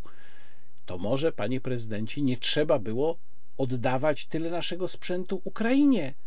A pan był jednym z najgorętszych zwolenników takiej polityki. No i o Ukrainie tam dalej też jest mowa. Pada pytanie o stosunki pana prezydenta z panem prezydentem Wołodymyrem Zełeńskim. Zapewniłem go, tutaj jest mowa o rozmowie obu panów prezydentów z okazji 11 listopada. Zapewniłem go, czyli prezydenta Zełańskiego, że Ukraina ma nieustanne polskie wsparcie, nic się tu nie zmieniło. Na każdym forum międzynarodowym wspieram sprawę Ukrainy. Uważam, że to jest po prostu polski interes, by przetrwała ona jako niepodległe państwo, by skutecznie obroniła się przed rosyjską agresją. Oczywiście Przetrwanie Ukrainy jako niepodległego państwa z pewnością jest w naszym interesie, ale tu znów pan prezydent próbuje wykonać ten manewr, który ja wielokrotnie demaskowałem również w wideoblogu, wtedy kiedy temat Ukrainy był na czołówkach przez cały czas. To znaczy próbuje nas wepchnąć w taką zero-jedynkową logikę. Albo oddajemy Ukrainie wszystko, albo Ukraina przegrywa. W sensie zostaje całkowicie zajęta przez Rosję. No nie, to tak nie działa. Tu jest gradacja my zresztą wiele do oddania już nie mamy, natomiast jakie są realnie stosunki polsko-ukraińskie, no to pokazuje chyba najlepiej sytuacja na naszej wschodniej granicy i to, jak traktowani są polscy przewoźnicy, również przez Ukraińców, jakie relacje też czysto międzyludzkie tam w czasie tego protestu panują. U pana prezydenta nie widać ani jednej refleksji, ani śladu refleksji na temat fiaska jego strategii, jego linii, bo to on był głównym promotorem tej skrajnie proukraińskiej linii, co zresztą nie jest zaskakujące, że y, dziennikarze tygodnika sieci oczywiście o to nie pytają, no bo wiadomo, że ich linia, ich redakcji jest zupełnie inna, więc oni tego pytania panu prezydentowi mm, nie zadadzą. Dalej pan prezydent mówi, że jesteśmy politykami, prezydentami swoich państw, wybranymi przez naród, mamy określone obowiązki do wykonania i mogą być sprawy, w których nasze interesy nie są zbieżne. To oczywiste, że wówczas reprezentujemy interes swojego kraju, mówi pan prezydent. No wielka szkoda, że pan prezydent się tak nie zachowuje.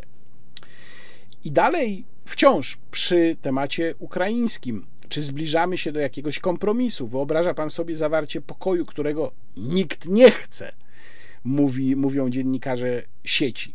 Nie można prowadzić takich rozmów ponad głowami Ukraińców, tak bywało w przeszłości i wydało to zatrute owoce, tylko rozzuchwaliło Rosję i Władimira Putina, mówi pan prezydent. No wydaje się, że znów unika po prostu odpowiedzi na pytanie, bo to, że zbliża się moment prowadzenia właśnie takich rozmów i to najprawdopodobniej Ukraina, a zwłaszcza prezydent Zełęński będzie w nich już tylko pionkiem, bo to wynika również z jego słabnącej pozycji w, na samej Ukrainie.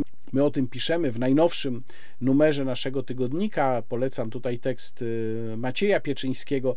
Y, no to spowoduje, że Ukraina będzie tam po prostu tylko pionkiem w tych rozmowach i będzie musiała pogodzić się z tym, co zostanie dla niej ustalone. Y, dalej pada pytanie o kwestie europejskie. I tutaj pan prezydent mówi tak: Powiem jasno, nieustannie jestem zwolennikiem członkostwa Polski w Unii Europejskiej. To leży w naszym interesie. Skorzystaliśmy na tym, rozwinęliśmy się gospodarczo. Chcemy jednak wspólnoty szanującej suwerenność państw członkowskich. Takiej, do jakiej wstępowaliśmy, i o taką Unię powinniśmy walczyć na jej forum w interesie Polski i Europy. No, wszystko fajnie tylko, że to Andrzej Duda chciał wpisywać członkostwo Polski w y, Unii Europejskiej do konstytucji. Szkoda znów, że pytanie o tamtą propozycję w referendum konsultacyjnym nie padło, no ale czego się spodziewać po dziennikarzach tygodnika sieci? Wiadomo, że o to nie zapytają. Natomiast tutaj znów mam wrażenie, że mamy po prostu unik, no bo pytanie brzmi, a co jeśli takiej Unii, do jakiej wstępowaliśmy, po prostu nie da się już odtworzyć? Czy mamy jakiś plan B? Czy mamy jakiś wariant awaryjny? Czy może powinniśmy tylko na zasadzie karty przetargowej jednak zacząć uwzględniać ewentualność wystąpienia z Unii Europejskiej. Ja bym się chciał dowiedzieć, co w tych sprawach myśli pan prezydent, no ale z tego wywiadu niestety się tego nie dowiem. Natomiast nie podzielam opinii tych, którzy uważają, że ten wywiad jest bardzo, powiedziałbym, jastrzębi. Widziałem takie komentarze w kilku gazetach po tym wywiadzie, że pan prezydent tutaj się odsłonił, że będzie prezydentem ściśle pisowskim i tak dalej, i tak dalej. Może ktoś będzie miał tutaj inne odczucia niż ja. Natomiast ja ten wywiad bardzo uważnie przeczytałem i ja bym go nie nazwał radykalnym. Ja bym raczej powiedział, że pan prezydent zaznacza swoją odrębność wobec tej koalicji, która będzie rządzić tam, gdzie musi to zrobić. Natomiast ogólnie rzecz biorąc, nie jest w tym wywiadzie gwałtowny, nie jest w tym wywiadzie nawet specjalnie asertywny. Raczej powiedziałbym, że przyjmuje postawę wyczekującą. Zobaczymy oczywiście, jak będzie. Przede wszystkim to, co jest podstawową sprawą, to zakres wet pana prezydenta. Zobaczymy, czy będą się one ograniczały tylko do tych zasadniczych, najważniejszych spraw, przede wszystkim światopoglądowych, czy też będzie to właściwie reguła, że pan prezydent wetuje ustawy przygotowywane przez ten Sejm, Sejm dziesiątej kadencji. No ale to wszystko przed nami, na razie jeszcze mamy za mało materiału doświadczalnego, żeby tworzyć tutaj jakieś zdecydowane opinie. O to walczyłem To teraz kilka słów na temat pierwszego posiedzenia Sejmu dziesiątej kadencji, żeby pewne sprawy usystematyzować. Jak wiadomo, doszło tam do wyboru marszałka i wicemarszałków. Zgodnie z regulaminem Sejmu i marszałka, i wicemarszałków wybiera się większością bezwzględną. Natomiast ym, trzeba odróżnić od siebie wybór marszałka i wicemarszałków. Mówię to dlatego, że widziałem dużo głosów i opinii ym, krytykujących to, że Konfederacja, jeżeli chodzi o głosowanie na panią Witek jako wicemarszałka, nie zagłosowała w całości przeciwko, bo przecież pan poseł Braun wcześniej tak pięknie przypomniał zasługi pani Elżbiety Witek. I tu bym chciał Państwu przypomnieć też to wystąpienie pana posła Grzegorza Brauna. Szczęść Boże, Wysoka Izbo. No nie może być tak, że taktownie przemilczymy tutaj tak nietaktownie zgłoszoną kandydaturę Elżbiety Witek na marszałka tego Sejmu, ponieważ to jest kandydatura sztandarowa, która uosabia standard pogardy, lekceważenia prawa, zarządów Zjednoczonej Łże-Prawicy. I wysunięcie tej kandydatury jest manifestacją braku woli koncyliacji, dialogu, zmian, prawdziwie dobrej zmiany na polskiej scenie politycznej. Wysunięcie tej kandydatury w praktyce przestępczej tak bliskiej przecież obozowi Zjednoczonej Prawicy, to się nazywa iść w zaparte. Zjednoczona Prawica idzie w zaparte, wysuwając Elżbietę Witek do urzędu marszałka drugiej osoby w państwie. Przypomnijmy, że Elżbieta Witek zaznaczyła się w historii polskiego parlamentaryzmu, lekceważąc następstwo poselskie Pan poseł Kawęcki nigdy nie został zaprzysiężony, nigdy nie miał okazji złożyć ślubowania, chociaż jego mandat został opróżniony po przedwczesnym zgonie poprzednika. Było to jeszcze w końcu ósmej kadencji, ale to był prognostyk lekceważenia dla tego, co będzie się tutaj działo.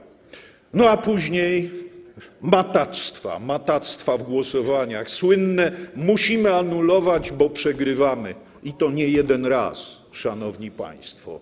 Pomiatanie Wysoką Izbą. No, nie zdziwiliście się państwo, zasiadając w tych fotelach, e, że będziecie mieli do czynienia z przenoszeniem standardów szkoły podstawowej do Wysokiej Izby, ale zdziwiliście się, że to będzie poprawczak.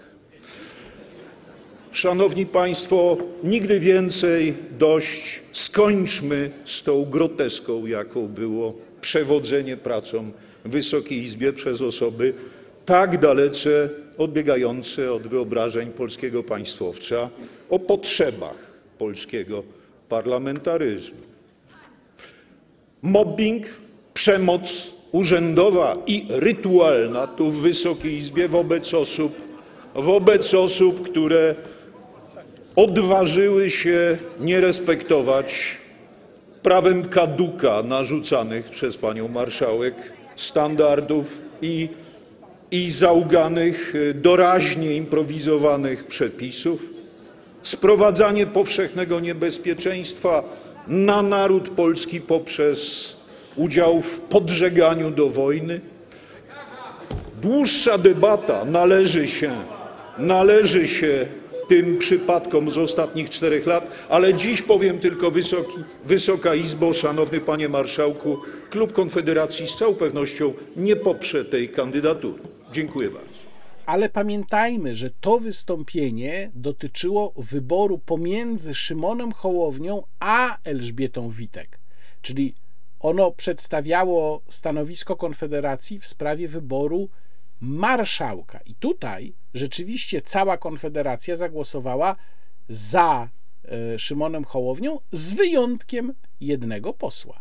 Konrad Berkowicz, proszę Państwa, zagłosował i przeciwko Elżbiecie Witek, i przeciwko Szymonowi Hołowni. No tak można w tym głosowaniu było zrobić. Przypomnę tutaj jeszcze raz w kontekście tego, co powiedział pan prezydent, jak rozwiązana jest sprawa wyboru marszałka i wicemarszałków. Konstytucja mówi tyle, że Sejm wybiera ze swojego grona marszałka i wicemarszałków, ale podkreślam to słowo wybiera, nie wyznacza, wybiera.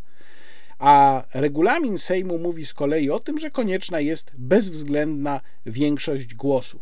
No to jednak ja mam wrażenie, że kwestia głosowania w tej sprawie przeważa nad obyczajem. Znaczy nie możemy uznać, że tylko formalnością jest to głosowanie. A Elżbietę Witek obciąża bardzo dużo spraw, między innymi od e, skandalicznych reasumpcji Y, o których pani marszałek decydowała wtedy, kiedy PiSowi źle szło w głosowaniach, a skończywszy na y, zamordyzmie maseczkowo-covidowym, który wprowadziła, ewidentnie uderzając zresztą przede wszystkim w posłów Konfederacji w czasie pandemii. Oczywiście Prawo i Sprawiedliwość wysunęło Elżbietę Witek absolutnie celowo. Najpierw na marszałka, potem na wicemarszałka, tylko po to, żeby jej kandydatura została utrącona i odrzucona, no bo było wiadomo, że ona będzie absolutnie nie do zaakceptowania, po to, żeby można było mówić, proszę bardzo, jak nas dyskryminują, my nie mamy swojego przedstawiciela w gronie wicemarszałków Sejmu. Teraz, jeżeli spojrzymy jeszcze, bo wiem, że moich widzów pewnie szczególnie interesuje to, co robiła Konfederacja, jak się zachowywała Konfederacja. No więc Konfederacja w przypadku wyborów wicemarszałków wszystkich była podzielona. Poza jednym to był Piotr Zgorzelski z PSL-u, tam wszyscy posłowie Konfederacji zagłosowali za, ale w przypadku y, Włodzimierza Czarzastego za był jeden poseł, y, pan Tuduj, dziewięciu posłów Konfederacji było przeciw, ośmiu się wstrzymało. W sumie pan Czarzasty dostał 250 mm, głosów przy większości bezwzględnej liczącej 230. Mm, y, w przypadku pani Witek też właśnie posłowie Konfederacji się podzielili, bo za było 10, 5 było przeciw, wstrzymało się trzech. Y, w sumie za było 203, czyli zabrakło do większości bezwzględnej 27 głosów. Natomiast co warto, co trzeba zauważyć, gdyby nie to, że praktycznie cały klub Prawa i Sprawiedliwości czy Zjednoczonej Prawicy zagłosował za Krzysztofem Bosakiem jako wicemarszałkiem, to Krzysztof Bosak nie zostałby tym wicemarszałkiem, ponieważ absolutnie nie dostałby większości bezwzględnej. No bo właśnie na tym tutaj polega trik, że wstrzymujący się przy wymogu większości bezwzględnej pełni taką samą rolę w praktyce jak głosujący przeciwko. Więc Krzysztof Bosak, trzeba to powiedzieć, został mm, wicemarszałkiem Sejmu tak naprawdę tylko dzięki głosom Prawa i Sprawiedliwości. Jeżeli chodzi o nowego marszałka, pana Szymona Hołownię, to wygłosił sprawne wystąpienie 13 e, listopada.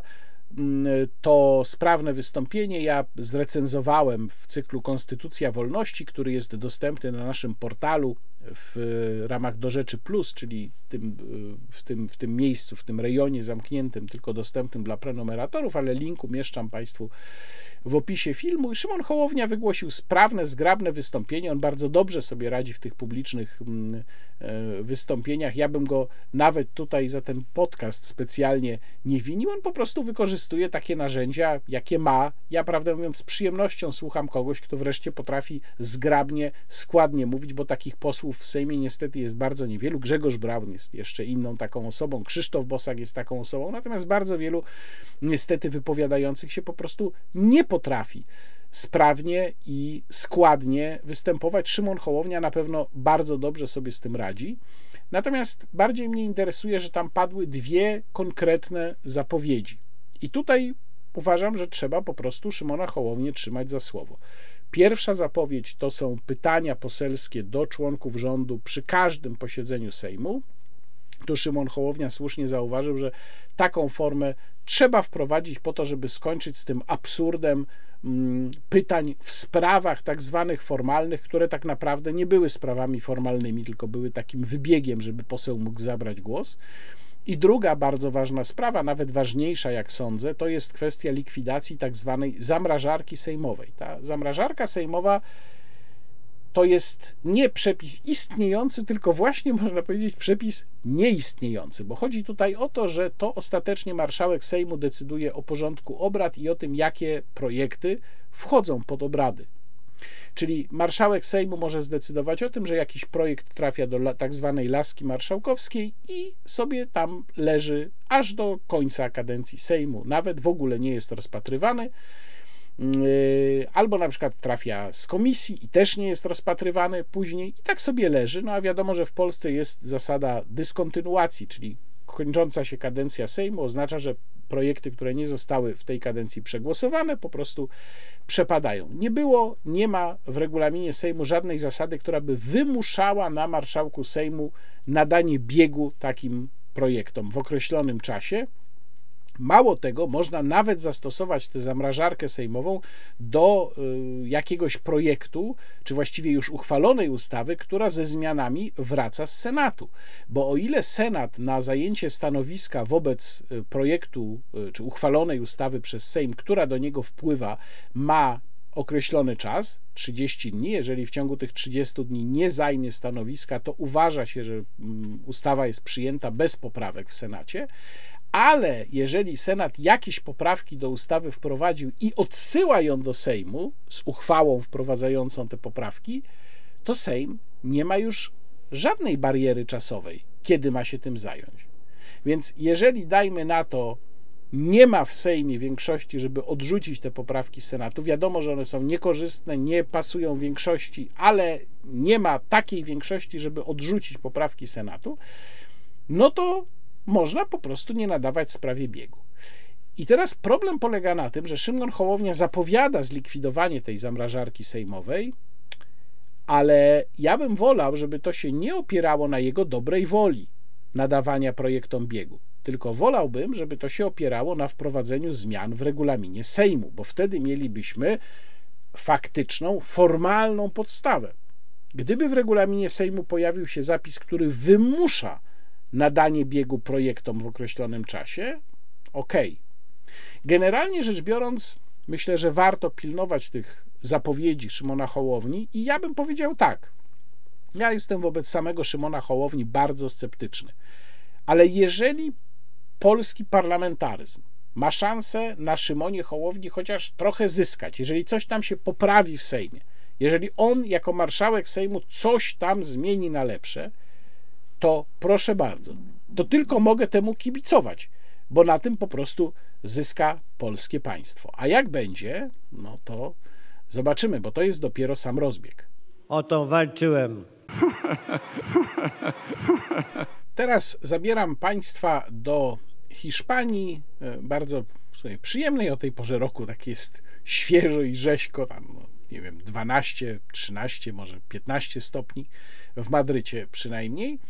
Y, gdzie byłem z grupą polskich dziennikarzy. To był wyjazd organizowany przez przedstawicielstwo Komisji Europejskiej w Polsce. Już kilka takich wyjazdów właśnie organizowanych przez przedstawicielstwo Komisji Europejskiej Państwu tutaj relacjonowałem. To jest bardzo ciekawa okazja, żeby spotkać mm, komentatorów, polityków w danym państwie, które aktualnie ma prezydencję w Unii Europejskiej i zapytać tam o różne sprawy. No, tym razem nasz wyjazd był o tyle nietypowy, że chociaż miał być poświęcony prezydencji Hiszpanii w Unii Europejskiej, to tak naprawdę o prezydencji nikt tam kompletnie nie myśli. Komentarze, kiedy pytaliśmy o to, były dokładnie takie, że to w ogóle jest sprawa z trzeciego planu w tej chwili, bo najważniejszą rzeczą, akurat dokładnie w tym momencie, kiedy tam byliśmy, były demonstracje przeciwko liderowi PSOE, czyli partii, robotniczej partii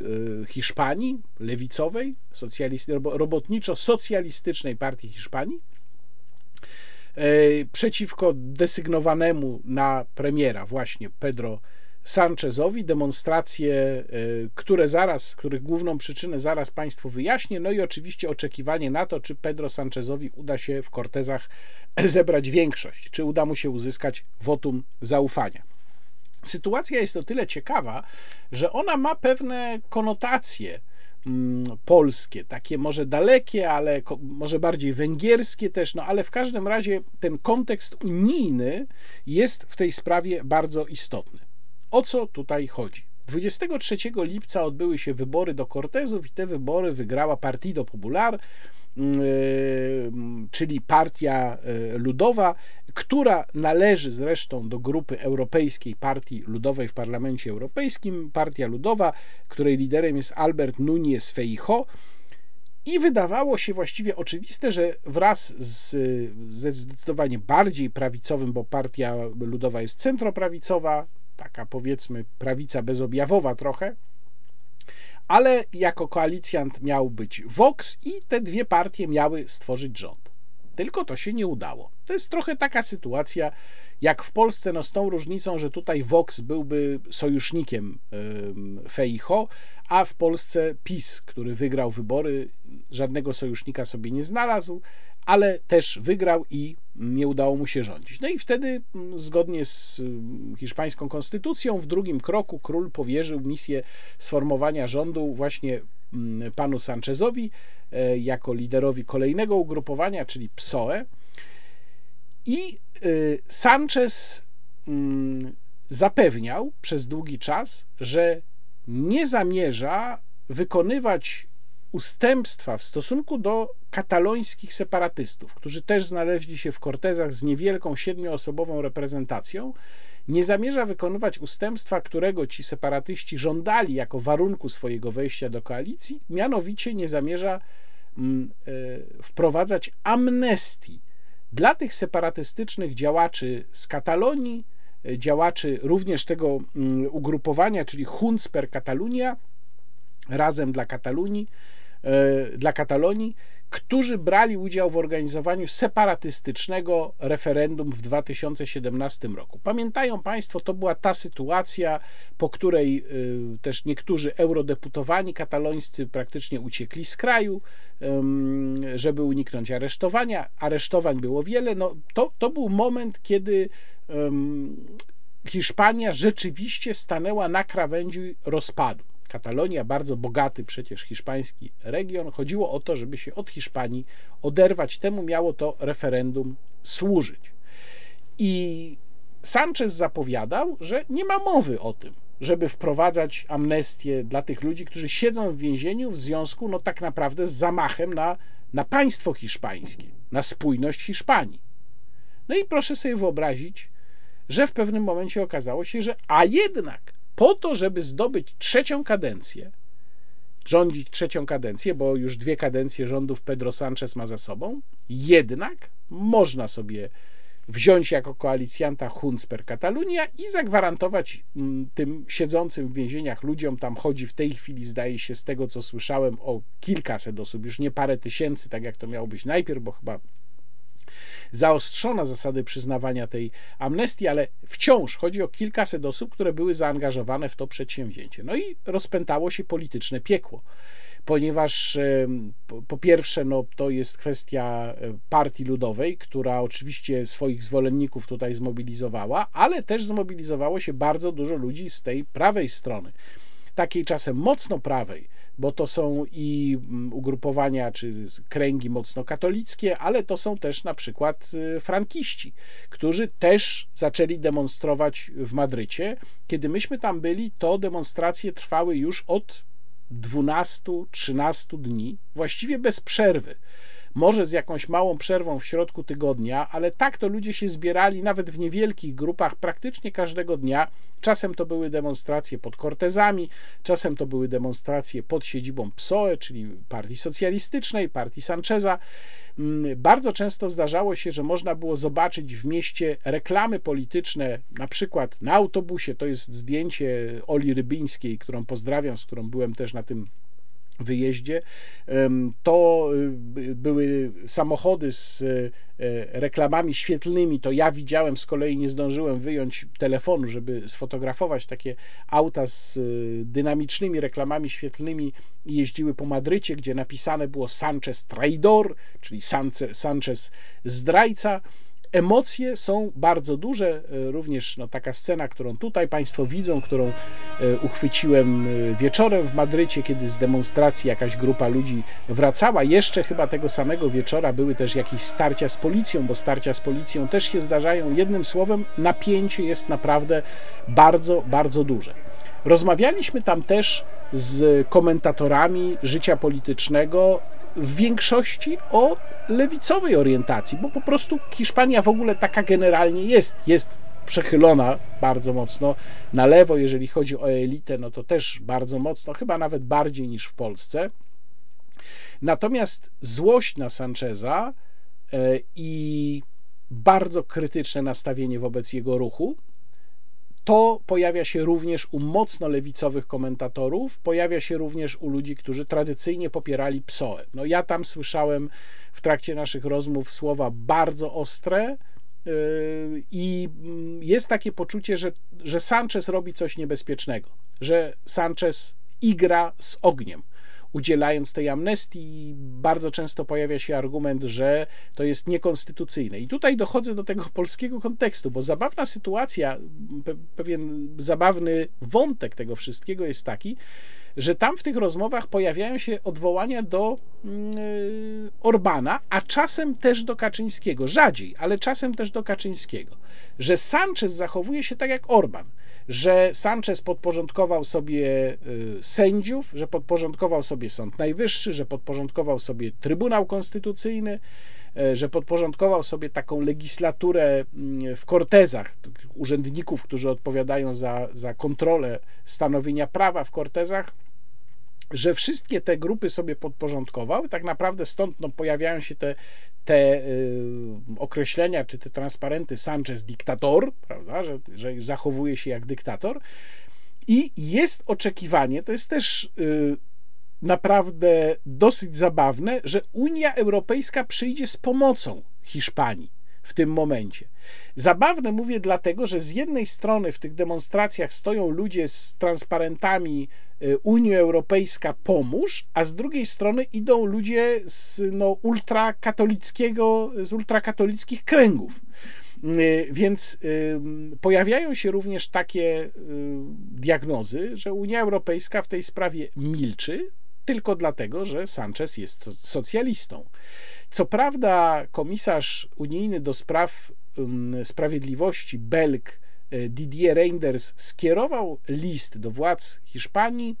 Ten list um, był umiarkowany w tonie, nie mówił o żadnych konkretach. To było takie ogólne pytanie, prośba o wyjaśnienia. Z kolei z tych kręgów e, komisyjnych usłyszałem, że komisja nie podejmie żadnych kroków, dopóki nie będzie miała czarno na białym tego aktu amnestii. Powiem szczerze, nie wiem, czy ten akt już został skonstruowany, natomiast y, komunikat był taki, że komisja może pracować, jak będzie miała czarno na białym to napisane. Generalnie rzecz biorąc, mam wrażenie, że poza zwolennikami PSOE nastawienie wobec Sancheza jest bardzo negatywne. Miałem taką sytuację, że taksówkarz, który wiózł mnie po Madrycie przez 25 minut trasy za pośrednictwem tłumacza Google, bo on nie mówił akurat po angielsku, a ja po hiszpańsku no na jakimś super, super podstawowym poziomie tylko, opowiadał mi o tym, jak fatalne są rządy socjalistów w Hiszpanii i że y, Sanchez, no on nie jest taki zły, tak powiedział ten pan, taksówkarz, ale y, też jako przywódca socjalistów jest zły, prawda? Że, że przywództwo socjalistów w ogóle narobiło Hiszpanii mnóstwo złego. Trochę tak brzmiał jak taki klasyczny wyborca PiS w Polsce.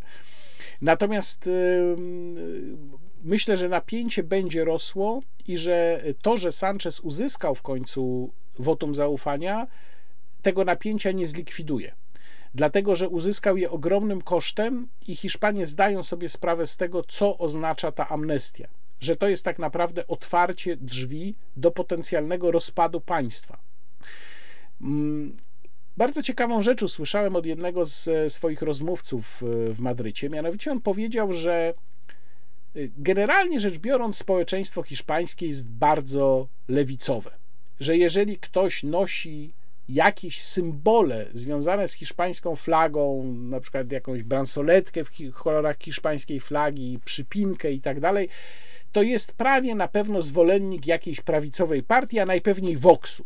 Że to jest taki standard postrzegania i rzeczywiście tak jest. Że ludzie nie mają, nie tak jak w Polsce, gdzie ludzie wychodzą z flagami 11 listopada i to niezależnie od tego, czy to są e, zwolennicy Platformy Obywatelskiej czy PiSu, tylko będą w różnych miejscach, ale wyjdą z tą biało-czerwoną flagą. 3 maja to samo. Część osób wywiesi te flagi u siebie na balkonach. No, nawet Donald Tusk przecież przeprosił się z tym i, i, jego marsze też odbywały się, marsze Koalicji Obywatelskiej odbywały się pod, głównie pod polskimi flagami nieunijnymi.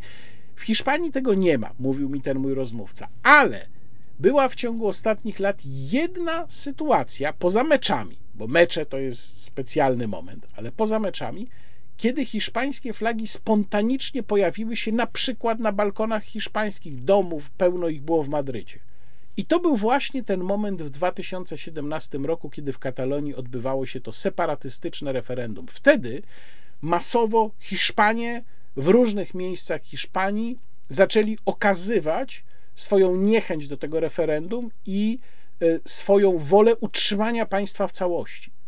No jeżeli taki był wtedy sentyment, a Sanchez robi teraz to, co robi, i to robi w sytuacji, kiedy to też mówili mi moi rozmówcy, Katalonia jest generalnie spokojna.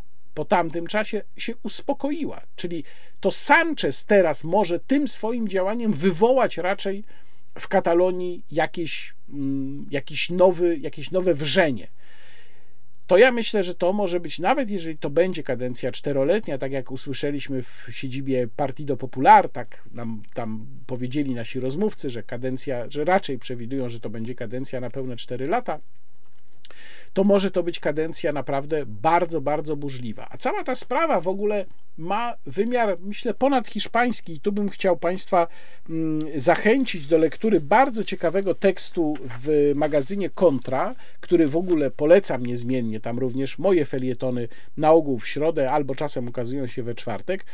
Teraz w magazynie Kontra tekst Bartosza, doktora Bartosza Łukaszewskiego właśnie o Hiszpanii, właśnie o Katalonii, o tych niebezpieczeństwach związanych z decyzją Pedro Sancheza i o tym, jaki to w ogóle ma wymiar ponadhiszpański, jaki to ma w ogóle wymiar unijny. Zachęcam do lektury. O to walczyłem. Teraz zapraszam Państwa na dział kulturalny, w którym na pierwszym miejscu przypominam o tym, że w sklepie Fundacji Incanto czekają na Państwa znakomite i bardzo eleganckie kartki bożonarodzeniowe. Zachęcam link bezpośrednio do sklepu, e, czy nawet do samych kartek w sklepie zamieszczam w opisie filmu i w ogóle polecam Państwa uwadze e, i pamięci Fundację Incanto. A druga rzecz, również związana z muzyką, o której chcę Państwu powiedzieć, to moje nowe, można powiedzieć, odkrycie muzyczne z polskiej sceny muzyki dawnej. Mm, byłem w niedzielę na koncercie bydgoskiego zespołu e, Ensemble Inégalité, skądinąd ciekawa nazwa, bo oznacza zespół nierówność, a raczej na ogół wszyscy się chwalą równością, a tutaj mamy, czyli egalité, a tu mamy inegalité, który to koncert odbył się w mm, pałacu w Wilanowie z bardzo ciekawym repertuarem, ponieważ zespół gra i bardzo lubi grać w ogóle polskich kompozytorów epoki baroku czy schyłku renesansu i początku baroku, więc w programie byli m.in. Marcin Mielczewski, e, Adam e, Jarzębski, e, oczywiście Mikołaj Zieleński, wybitny kompozytor właśnie przełomu epoki baroku mm, i renesansu. I zespół mnie ujął nie tylko tym, że po prostu dobrze grał, ale w muzyce dawnej jest coś takiego, jeżeli Państwo i słuchają, to na pewno będą Państwo wiedzieli, o co mi chodzi, że bardzo widać to, kiedy muzycy grają z wewnętrzną radością, kiedy ta gra daje im przyjemność. Tutaj u, u czworga muzyków tego zespołu było to bardzo dobrze widać. Y, to, byli, to były panie Irena Filuś i Natalia Tyrańska na skrzypcach barokowych, pani Weronika Kulpa na wiolonczeli i pan Marek Przywarty na klawesynie, zresztą bardzo pięknym. Tutaj Państwo widzą, to jest kopia klawesynu włoskiego z 1685 roku, czyli mm, z roku urodzin Jana Sebastiana Bacha, z takimi pięknymi malowidłami na pudle. Polecam Państwa uwadze ten zespół, ale też polecam po pierwsze płytę tego zespołu, którą tutaj mama, którą można zamówić, jeśli się napisze do zespołu poprzez jego stronę na Facebooku. Link do strony podaję. To jest płyta Corona Aurea. I właśnie tutaj e, w programie w, w, wśród utworów tej płyty jest Marcin Mielczewski, Adam Jarzębski, Mikołaj Zieleński, a także Stanisław Sylwet, Sylwester Szarzyński, więc ta płyta Koronia, Korona Aurea, świetna polska muzyka epoki późnego renesansu, wczesnego baroku. Co ciekawe, jak powiedział mi e, właśnie e, lider zespołu pan Przywarty tę płytę zespół wydał w trakcie jeszcze y, pandemii i mm, kiedy mm, próbował ją zareklamować na Facebooku, to okazało się, że się nie da, bo y, tytuł płyty no, był blokowany przez Facebooka. Mm, a druga sprawa, którą Państwu polecam, Państwa uwadze polecam, to założona przez pana Marka mm, Przywartego y, y, w Bydgoszczy orkiestra wykonująca muzykę dawną, orkiestra y, imienia Andrzeja Szwalbego. I namawiam tych z Państwa, którzy mieszkają w Bydgoszczy, do zagłosowania w projekcie budżetu obywatelskiego na projekt numer 677. To jest projekt właśnie polegający na tym, żeby y, fundusze ta orkiestra dostała na wykonanie kantat Bacha. Ja myślę, że bardzo warto wspierać młodych polskich artystów, dobrych polskich artystów grających, no tutaj również polską, często mało znaną muzykę, y, ambitnych i grających tę muzykę naprawdę z taką bardzo widoczną, wewnętrzną radością, a proszę mi wierzyć, jako fanowi tego rodzaju muzyki, który jest dobrze z nią osłuchany, że to bardzo się słyszy.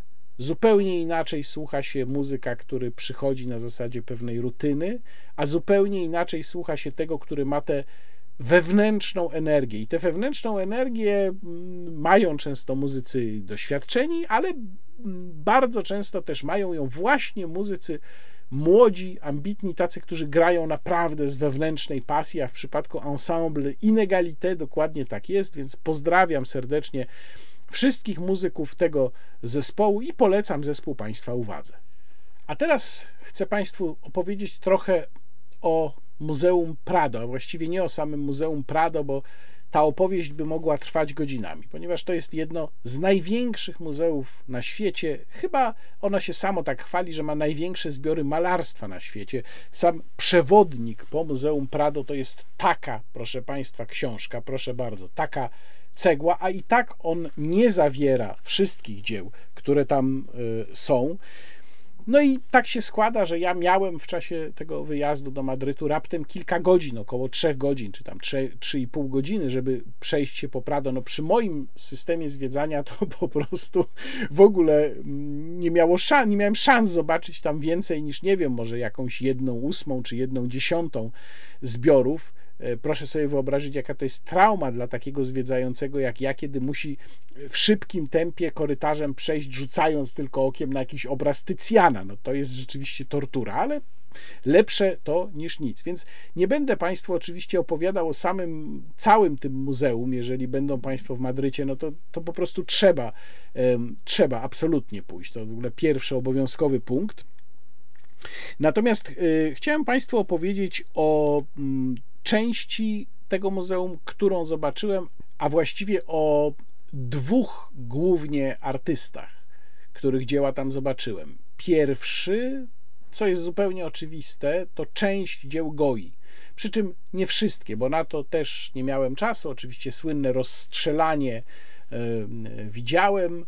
E, natomiast w takim, takiej końcowej sali zaciemnionej są y, dzieła, tak zwane czarne obrazy Goi. I one robią rzeczywiście ogromne wrażenie. To są obrazy, które Goja namalował na ścianach swojego domu już pod koniec swojego życia. Jak wiadomo, Goja głuchu na starość malował farbami olejnymi na ścianach swojego domu i po jego śmierci, po jakimś czasie, bo to mówimy tutaj o latach, e, jeśli dobrze pamiętam, 80. XIX wieku, postanowiono te obrazy niszczejące tam już w tym domu przenieść na płótno.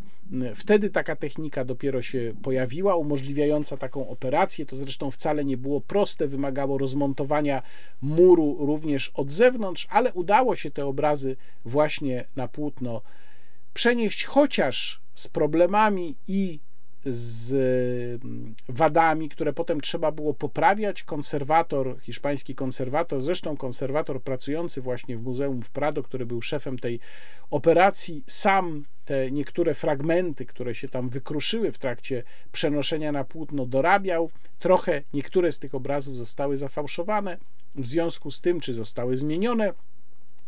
Natomiast wśród nich no, są um, tak słynne jak y, tonący pies, Asmodeusz mm, albo e, e, sabat z kozłem.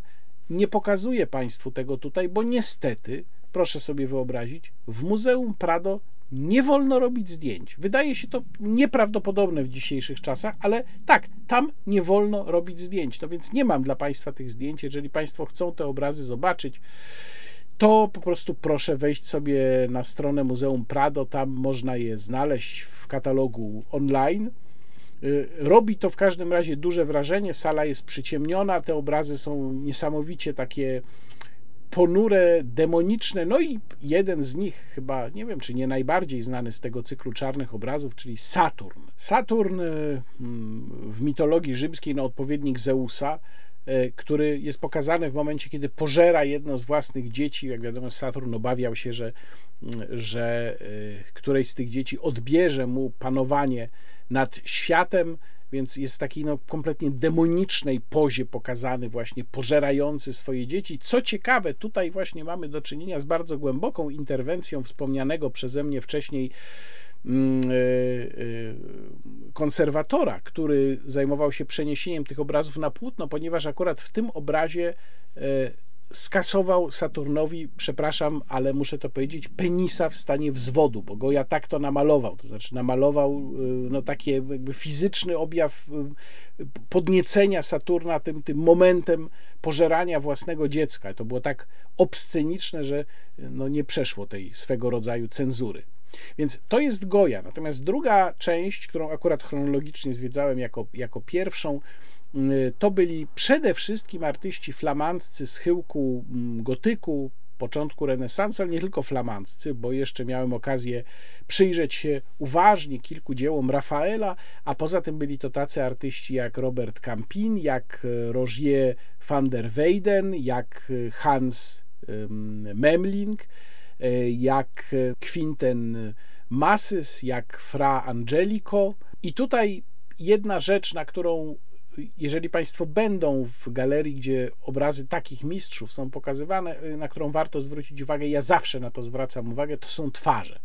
Twarze na tych obrazach są absolutnie niesamowite. Tak jak u Masysa na obrazie zdjęcie z krzyża. No, nie da się tego po prostu opowiedzieć, to trzeba zobaczyć. To są twarze, które z jednej strony są niezwykle naturalistycznie, werystycznie uchwycone, a z drugiej strony też bywają skrajnie karykaturalne. No to jest tak, jakbyście Państwo wzięli takie najbardziej, najbardziej charakterystyczne twarze z ulicy i zatrudnili je w pewnych rolach. To akurat nie mówię tu o zdjęciu z krzyża, bo tam tych negatywnych bohaterów nie ma, ale na przykład na obrazie Okazanie Chrystusa chociażby.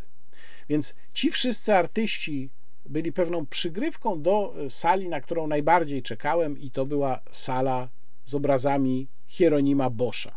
Tam e, poczesne miejsce, najważniejsze zajmuje ogród rozkoszy ziemskich. Mm, e, potem mamy też tryptyk wóz z sianem. Mamy też e, taki, taką tablicę, cykl Siedem grzechów głównych. Mamy poza tym kuszenie świętego Antoniego. Mamy również wyjęcie czy usunięcie kamienia szaleństwa. No i mamy tryptyk Pokłon Trzech Króli, wersję z tak zwanym antychrystem, najprawdopodobniej z antychrystem, bo tutaj interpretacja tej postaci mm, nie jest jednoznaczna, która tam się pojawia, wychylając się jak gdyby z wnętrza tej stajenki i patrząc takim dziwnym wzrokiem na Jezusa, natomiast na tym obrazie mm, są wskazówki pozwalające sądzić, że właśnie mamy tu do czynienia z antychrystem, między innymi rana na nodze. To jest taki jeden z symboli, bo to, co jest najbardziej fascynujące chyba w malarstwie Boscha, w ogóle jest y, to cecha malarstwa z tamtego okresu, ale u Boscha w szczególności warto na to zwrócić uwagę i o tym chcę Państwu trochę opowiedzieć to jest y, nasycenie jego obrazów pewnymi kluczami i symbolami. Wydaje się to współczesnemu widzowi chaotyczne. To jest takie zdanie, które się bardzo często pojawia wtedy, kiedy czytamy opisy ogrodu rozkoszy ziemskich albo sądu ostatecznego. No akurat sąd ostateczny jest w Kunst Historisches Muzeum w Wiedniu. Mm, e, że współczesny widz ma wrażenie takiego chaosu, który jest zupełnie przypadkowy. Nie. Tam wszystko jest na swoim miejscu, wszystko ma swoje znaczenie i akurat skoro zacząłem już o tym mówić, to e, rana taka w typie jakiegoś owrzodzenia, która pojawia się akurat tam na pokłonie Trzech Króli, na nodze tej tajemniczej postaci, pojawia się też w innych miejscach, między innymi na nodze tego człowieka drzewa w ogrodzie rozkoszy ziemskich w panelu prawym, który pokazuje piekło. Mm, a to ten człowiek drzewo, przypomnę, ma najprawdopodobniej twarz samego Hansa Memlinga, ponieważ tak wyobrażano sobie właśnie antychrysta. E, jednym, jedną z charakterystycznych cech szatana czy antychrysta, mm, który no, jest pewną emanacją szatana, jest to, że ma owrzodzone ciało, że ma te rany. Ale teraz podstawowa sprawa jest taka, że Hieronim Bosch który, mm, którego dzieła możemy właśnie w Hiszpanii zobaczyć. To jest prawdopodobnie największa pojedyncza kolekcja dzieł Hieronima Boscha, ta, która jest w Prado. Może, możemy zobaczyć te dzieła w Hiszpanii, dlatego że jak wiadomo, były związki pomiędzy Hiszpanią a Niderlandami, no bo nad Niderlandami i nad Hiszpanią panowali Habsburgowie, a Hieronim Bosch był ulubionym malarzem późniejszego niż życie samego Hieronima Boscha, króla Filipa II, który miał kolekcję jego dzieł w Escorialu, mm, czyli w Pałacu Królewskim e, niedaleko e, Madrytu. I Bosch żył w latach najprawdopodobniej, bo to nie jest na 100% pewne, 1450-1516 mm, żył w, miast, w mieście Schertogen-Bosch. Ważna jest ta data śmierci 1516, bo dopiero rok później Luther ogłosił swoje słynne tezy. Czyli mówimy o okresie, kiedy w ogóle nie było jeszcze protestantyzmu. Potem Schertogen-Bosch się sprotestantyzowało, zresztą tak jak cała Holandia czy Niderlandy. E, natomiast e, wtedy jeszcze protestantyzmu nie było po prostu, no bo to jest przed prezentacją tez przez Lutra. I w związku z tym jeżeli ktoś sobie wyobraża, to jest taka bardzo często pojawiająca się teza czy pogląd, że Boż był szaleńcem, że Boż był nawiedzony, że tam są jakieś niesamowite, tajemnicze rzeczy na tych jego obrazach. Nie, proszę Państwa. Właśnie o to chodzi, że nie. Bosch był katolickim ortodoksem. Bosch był malarzem należącym do towarzystwa naszej pani w Schertogenbosch, czyli po prostu takiego towarzystwa maryjnego, dla którego zresztą malował obrazy bardzo często. Wiele jego zamówień właśnie było realizowanych dla tego e, stowarzyszenia czy towarzystwa. Mm, również e, niektóre były realizowane do kościoła bodajże świętego Jana w Schertogenbosch i wszystko to, co my widzimy na obrazach Boscha, również na obrazie Ogród Rozkoszy Ziemskich, to jest ściśle katolicka, chrześcijańska wizja. Nawet tam, gdzie pojawia się mnóstwo tej nagości, nawet tam, gdzie jest obscena, bo ona się pojawia, chociaż nie dosłownie, ona się pojawia w takich symbolicznych formach, na przykład mężczyźni odwróceni, nadzy mężczyźni odwróceni do siebie pośladkami, wiadomo, co mają symbolizować. To wszystko jest w celu umoralnienia, a nie ma tam elementów przypadkowych. Każda rzecz coś oznacza. Kiedy patrzymy na panel prawy Ogrodu Rozkoszy Ziemskich pokazujący piekło, to tam ludzie są karani zgodnie z tym, co zrobili złego. Jeżeli mamy na przykład bogacza, to on wypróżnia się do takiej kloaki złotymi monetami. Ten, który był winien grzechu obżarstwa, wymiotuje do tej kloaki. Każdy robi coś, czy dostaje coś, co mu się należało za jego czyny, za życia, za jego grzeszne czyny. W ogóle ta historia, którą opowiada Ogród Rozkoszy Ziemskich, jest bardzo spójna. Na lewym panelu mamy stworzenie człowieka, mamy tę dziwną fontannę życia, a w środku tej fontanny, w takim oknie, jak gdyby pojawia się sowa, która jest mm, zapowiedzią czegoś złowróżbnego. Zresztą y, Bosch w ogóle lubił malować sowy i zdaje się, że na ogrodzie rozkoszy ziemskich tam można chyba ich co najmniej kilka znaleźć w różnych miejscach. Niektóre są ledwo, ledwo widoczne, ale są. I y, tutaj jest taka ciekawostka, bo Bóg, ten stwórca, E, Adama i Ewy pojawia się w postaci przypominającej Jezusa. To jest też interesujący zabieg. A potem, jak spojrzymy na ten na środek, na ten środkowy obraz, gdzie wzrok nam biega, bo tam jest no, całe mnóstwo rzeczy się dzieje, całe, całe mnóstwo, ale jak spojrzymy, staniemy sobie, przepraszam, nie jest łatwo się dopchać w ogóle do ogrodu rozkoszy ziemskich. W Prado tam zawsze tłum stoi przed tym obrazem, ale jak spojrzymy w prawy dolny róg, to zobaczymy taką ciekawą scenę, gdzie z czegoś w rodzaju takiej jakby ziemianki wygląda człowiek, który chyba jako jedyny w ogóle w tej części obrazu jest ubrany. To jest też ciekawostka, który bardzo przypomina i jest zdaniem niektórych specjalistów po prostu tym Adamem z lewego panelu. Bo rzeczywiście jest bardzo podobny do tego stworzonego Adama. Obok niego siedzi kobieta, i on patrzy na nas, patrzy prosto na widza i wskazuje palcem na tę kobietę. Interpretacja, która się często pojawia, jest taka: zobaczcie, wy, którzy patrzycie na ten obraz, zobaczcie, to wszystko przez nią. To przez to jabłko, to przez nią. No bo środkowy obraz, środkowy panel y, ogrodu rozkoszy ziemskich pokazuje na postępującą degrengoladę, degenerację rodzaju ludzkiego, która ma swój finał w tym piekle pokazanym po prawej stronie. I ten motyw zresztą się przecież u mm, Boscha wielokrotnie powtarza, jak spojrzymy na wóz z sianem, no to co ten wóz z sianem nam symbolizuje? To jest symbol tego, jak ludzie próbują zdobywać w ciągu życia swoją pozycję. Tam też mamy niebo i piekło po dwóch stronach, prawda? A po środku ten, ten ludzki los. A jak wóz z sianem zostanie zamknięty, to też Państwa namawiam do tego, żeby patrzeć na mm, rewers tych y, tryptyków, czyli i wozu z sianem, i ogrodu rozkoszy ziemskich, y, bo można tam znaleźć ciekawe rzeczy. Jak się zamknie właśnie wóz z sianem, to widzimy postać idącego takiego wędrowca, takiego, niektórzy mówią syna marnotrawnego, jest bardzo podobny inny obraz Boscha, który też pokazuje takiego idącego człowieka i on jest nazywany albo włóczęga, albo, albo włóczyki, albo syn marnotrawny. Tutaj też jest ktoś taki, taki człowiek, który idzie gdzieś przez życie, widzi różne sceny, tam gdzieś kogoś napadli zbójcy, tutaj jakaś para ze sobą tańczy.